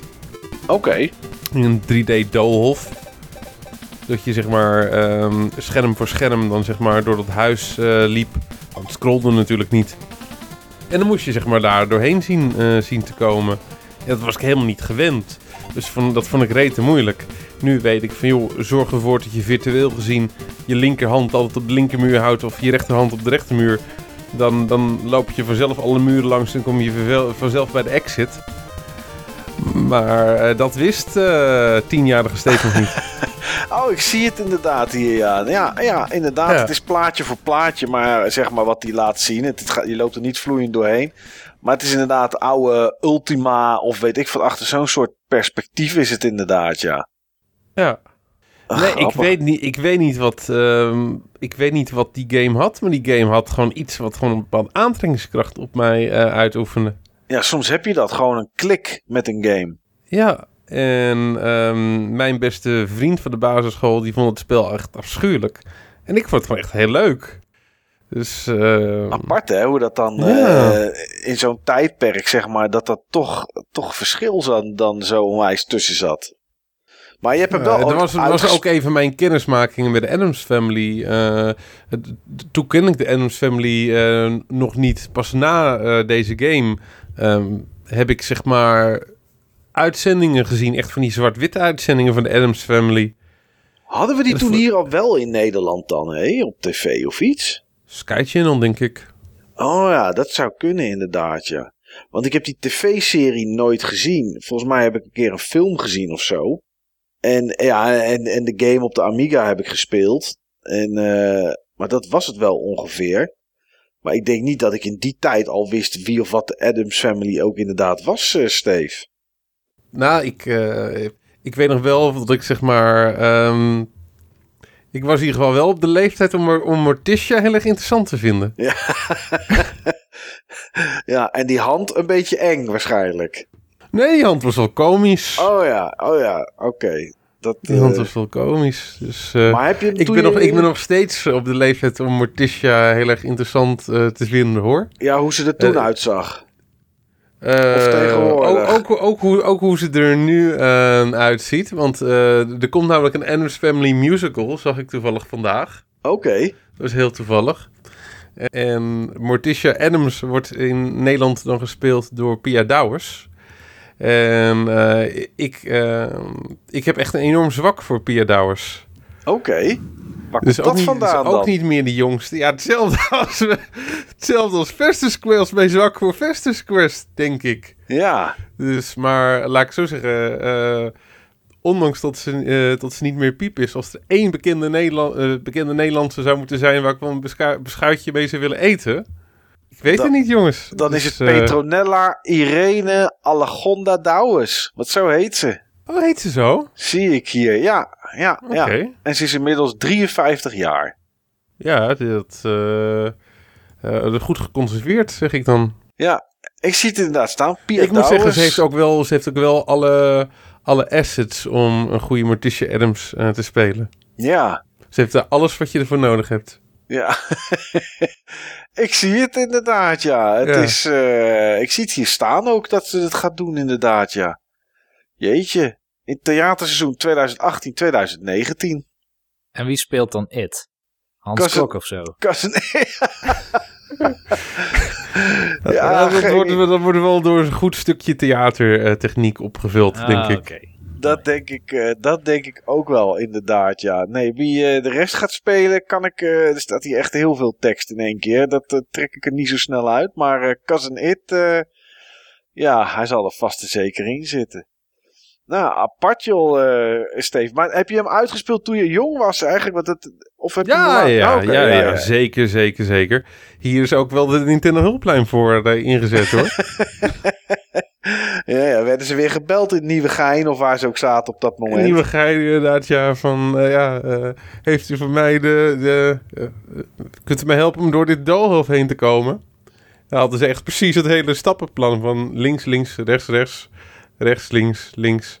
En dan kun je bellen, ja, sorry meneer, ik heb dat niet goed genoteerd. Mag ik nog een keer? Ja, want, eh, want dan deed je het natuurlijk snel opschrijven en dan weer ophangen en dan Hartstikke proberen. bedankt, hartstikke bedankt. En dat was toch niet goed. En Ja, en dan weer dan bellen. moest je weer een woensdag wachten. Wat waren ze alleen op woensdag open dan? Ja, alleen op woensdag open. Oh, Heb ik ja. wel eens verteld? Dat zat Ja. op woensdag. Alleen de woensdagmiddag natuurlijk, want dan was, waren de scholen uit natuurlijk. eh. Ja, ja, oh, dat is echt, ja. schitterend. Ja, Sunsoft. Nou ja, die hebben toch nog best wel, eh, best wel wat games. Nou ja, bij jou liggen, liggen er meerdere, maar sowieso drie games die echt wel heel goed zijn, Steve. Ja, voor mij wel. En ik heb ook nog eh, de Batman, ehm, de Game Boy versie van Batman. Oh ja, die hebben ze ook Die heb ik gedaan, ook. zag ik. Ja, waarin Batman rondloopt met een pistool. Oh ja, dat was vreemd, hè? Ja, dat is vreemd, want Batman is juist volledig anti-guns. Ja, En Batman die, ehm, die gebruikt juist geen guns, omdat zijn, zijn ouders, zeg maar, met, eh, zijn doodgeschoten. ja. Dat Dus die heeft, die, heeft, hij heeft juist een gun-trauma. Het is toch wel apart dat ze dat erdoor hebben gekregen dan met die licentie. Ja, ja, ik, eh, ik weet niet hoe dat gegaan Ja, misschien die magische connecties weer, hè? Ja, Volgens ja. mij is het meer zo'n tranquilizer gun. Oh, is dat het? Want ze moesten twee dingen garanderen tijdens de ontwikkeling van Batman. Eén is, niemand kan dood in het Batman-universum. ja. Alleen het stomme is wel, je ziet soms echt poppetjes die schieten op jou en dan schiet je terug en dan ontploffen ze. Maar goed, dat- misschien is dat een soort Mooi, rookwolk. Ja, nou ja, ze zullen waarschijnlijk bedoelen. Kijk, je hebt natuurlijk altijd van die goons, zeg maar. Van die, van die, ja. Weet je, je hebt, je hebt, de, je hebt, de, je hebt Penguin. En die heeft dan een heel leger aan, aan domme, domme kracht. Ja, die zullen waarschijnlijk wel een soort van dood mogen. Maar de echte hoofdpersonen, zeg maar, die mogen natuurlijk nooit dood. Want hè, Penguin gaat nooit dood. De Joker gaat nooit dood. Batman gaat nooit dood. Dat is niet helemaal eh, eh, natuurlijk helemaal waar. Want er zijn wel eh, comics geweest waar ze toch wel in een keer een superheld in hebben afgemaakt. Maar, dus ik snap die regel wel, ja. En wat was die andere? Die zoek ik op. Oh. Even kijken. En wat ik ook in mijn collectie heb, en daar had ik toevallig juist recent over nagedacht. Ehm, ik dacht, het is dus geen, je had gelijk Niels, het is geen Titus game. Ehm, Zero, de Kamikaze Squirrel en ehm, Arrow, de Acrobat. En waar ik over nagedacht heb, is om deze draken weg te doen. Oké. Die hebben ze niet gemaakt, die hebben ze alleen uitgegeven. Wat een draken. Echt. Ja. Ja, dat, ze, ja, ze hebben echt zoveel uitgegeven ook, joh. Als je die lijst bekijkt met games. En heel veel arcade ook. Daar hebben ze ook heel veel, eh, ook heel veel neergezet. En dat is eh, die lijst met, met, met titels. Ik weet niet hoeveel te zijn. Maar als je kijkt vanaf 1978 tot en met eh, ja, 95. Nou, nee, tot eigenlijk tot 2000, zeg maar. Dat, zijn echt, dat is echt zoveel titels waar ze iets mee gedaan hebben. Ze hebben ook een van. eh, ze hebben ook de arcade versie van een van mijn eerste spellen ooit gemaakt. Oké. Kangaroo op de Atari 2600. Kangaroo. Oh ja, ik zie het ja. 1992 kwam dat uit. Ja, het spel wat ik eh, ken als Kangaroo, dat, ehm, daar hebben ze dan niks mee gedaan. Dat is eh, zo'n Atari-poort volgens mij, rechtstreeks Atari-poort. Ja. Maar het, het origineel, wat er echt wat veel sneller speelt, wat er veel beter uitziet. Ehm het is ook gewoon een Donkey Kong clone hoor, in Ja. veel opzichten.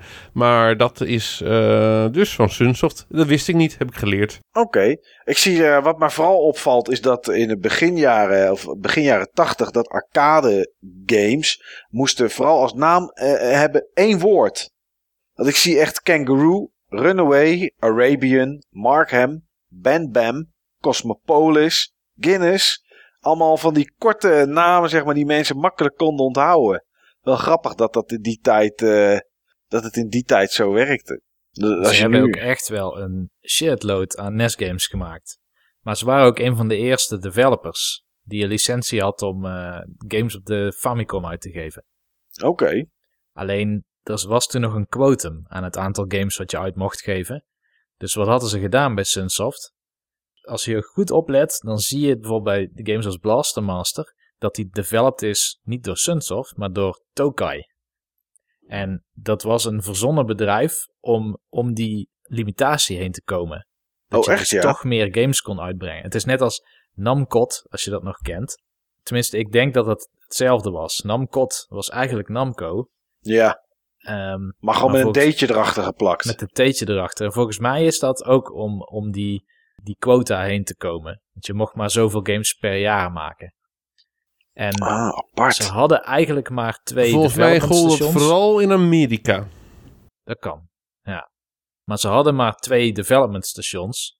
En die kosten echt iets van, misschien het equivalent van 25.000 euro per stuk of zo. Ja. Dus ze hebben hun eigen tools ook gemaakt. Ze zijn ook later hun eigen cartridge chips gaan maken voor de Japanse games. De Famicom games. Net zoals ehm, bijvoorbeeld Konami, weet je wel. Die hebben van die speciale chips. Waardoor ze meer of betere muziek kunnen laten spelen. Of meer sprites kunnen laten zien. Ja. Alleen in de lokalisatie kon dat niet meer. Want de Amerikaanse NES, die had een lockout chip. Dat is dat Oh, ding dat zo. gaat knipperen als je niet iets van je regio afspeelt. Ja. Dus toen hebben ze alles moeten poorten naar een chipset die wel van Nintendo zelf was. Om het in Amerika en Europa uit te kunnen brengen. Vandaar dat de muziek ook anders is soms tussen Sunsoft titels op de, op de Famicom en Sunsoft titels op de NES. Weet je wat een gedoe destijds allemaal zeg. Ja, het zal nu waarschijnlijk ook nog heel veel gedoe het wel zijn. voor zichzelf gewoon lastig gemaakt hoor. Ja. Ik heb de twee regels waar ze zich aan moesten houden bij het maken van een game voor Oh ja. Batman. Dus regel 1. Batman eh, vermoordt niemand. Oké. En Ja. regel 2, en deze, nou komt hij. De cape van Batman sleept niet over de grond. Oké. Dus wat doen ze in het spel? Ehm, rent Batman alleen maar. Je kan niet gewoon lopen. Je rent, dus die cape die wappert altijd achter je aan. Oh, slim zeg. Ja. Jeetje, wat aparte regels. Ja, Sleep ja ik denk dat over. tegenwoordig heb je veel strengere regels dan dat. Dat denk ik ook wel. Want als dit de enige twee regels waren waar ze zich aan moesten houden, hadden ze enorm veel vrijheid. Ja. En tegenwoordig is dat allemaal, eh, is dat natuurlijk allemaal afgebakend. Want ja, er moet natuurlijk een bepaald image neergezet worden. En eh, er wordt er zelfs aan lettertypes gemorreld. En, en dat soort dingen allemaal.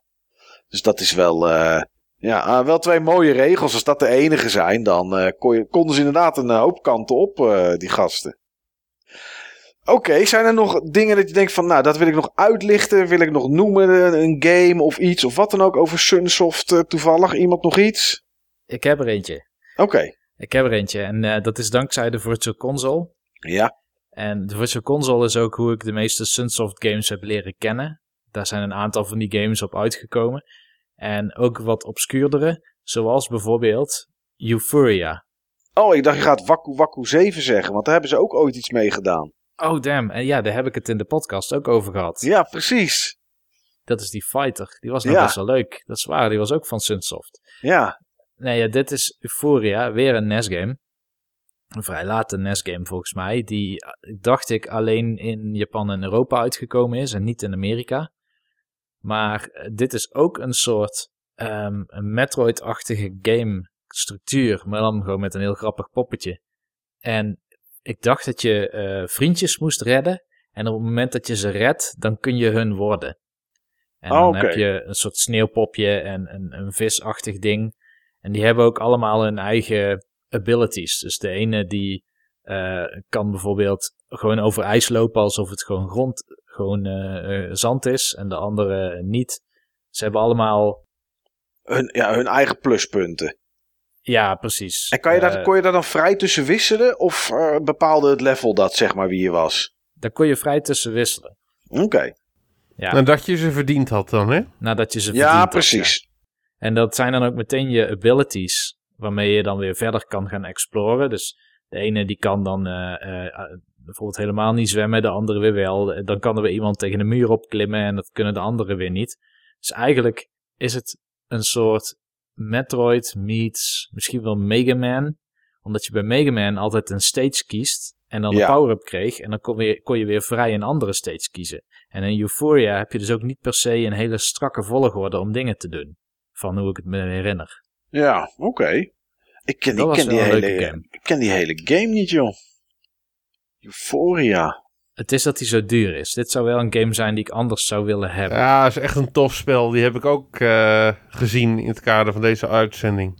Aflevering. Euphoria de Saga, zo heet die. Oké. Ik heb nog nooit... eh, Oh! Ik herken die cover.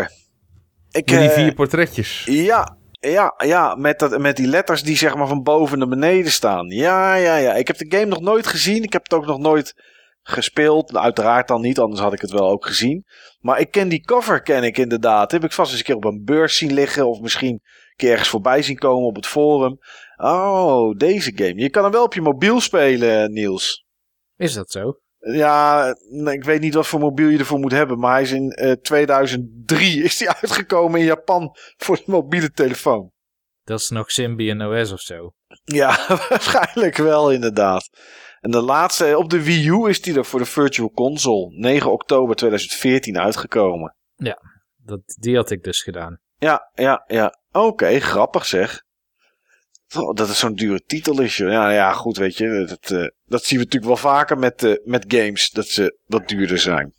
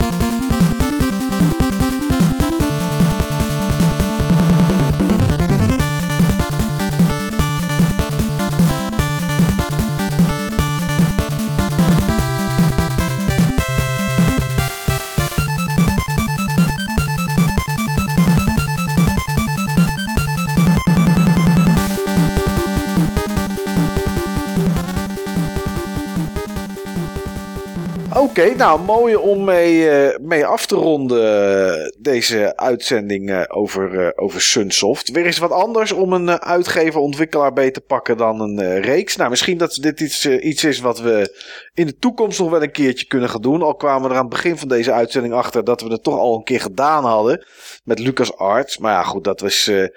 dat, dat is, ah, daar komt die jongens, hier komt, oh, hier komt zo'n mooie brug. Dat is wel bijna vijf jaar geleden dat we, da- dat we het daarover gehad hebben. Hoe doet hij het? Ja, oh man, echt hè. Broeden, nachtenlang, alles. Eh, maar dat is onze volgende uitzending die we gaan opnemen. Het, eh, normaal gesproken weten we het soms niet. Of hebben we een aantal onderwerpen waar we iets uit eh, moeten gaan kiezen. Maar de volgende uitzending gaat over ons vijfjarig bestaan. Vijf jaar, Steve. We kunnen het ook gewoon overslaan en niet vieren. Hé? Nee joh. Je, Nee, natuurlijk niet. je bent niet fris joh. Nee, tuurlijk Tuurlijk niet. niet. Daar moet je toch bij stilstaan. Ja, en dat gaan we ook doen. eh, Dat gaan we groots doen. Ja. Groots met SCH. Oh, dat is een mooie groot zeg. Ja, Ja. nee, we gaan dat inderdaad doen. En we hebben, eh, zoals het eruit ziet, in ieder geval eh, twee sessies met wat gasten. Ehm, ja, en we hebben, mocht je het nog niet gedaan hebben, we hebben op het forum is een topic waar je ehm, eh, je mening mag geven over onze podcast in vijf simpele vragen. Wat je van de onderdelen vindt, van de lengte, eh, wat je misschien anders zou willen zien of wat we zouden kunnen verbeteren.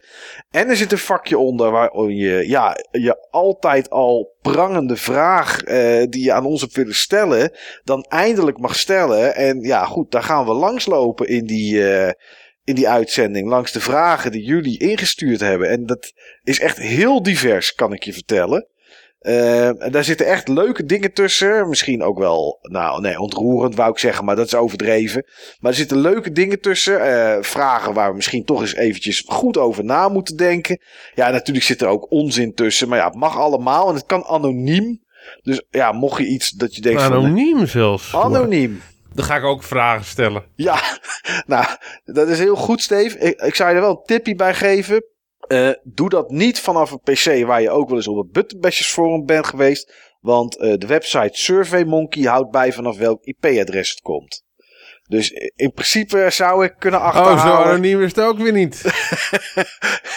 en, en ik kan je vertellen, ik kan je verklappen dat aan sommige vragen en opmerkingen ik ook eh, heb kunnen zien van wie het afkwam zonder dat daar een naam bij stond. Ehm, moest ik een beetje voor puzzelen, maar sommige heb ik. En sommige mensen hebben er wel een naam onder gezet. Maar goed, dat mag allemaal. Dat is iets wat we de volgende uitzending, eh, volgende uitzending gaan doen van, eh van Button Bashers podcast. Gaat het eindelijk gewoon een keer over ons. Nou ja, goed. Het gaat altijd een beetje over ons en wat wij gespeeld hebben. Ehm, nou, iedereen bedankt voor het luisteren. Eh, ja, ik heb heel veel zin in de volgende uitzending. eh, want dat wordt enorm leuk, denk ik. En ik hoop dat jullie dan allemaal weer luisteren. Dus tot de volgende keer.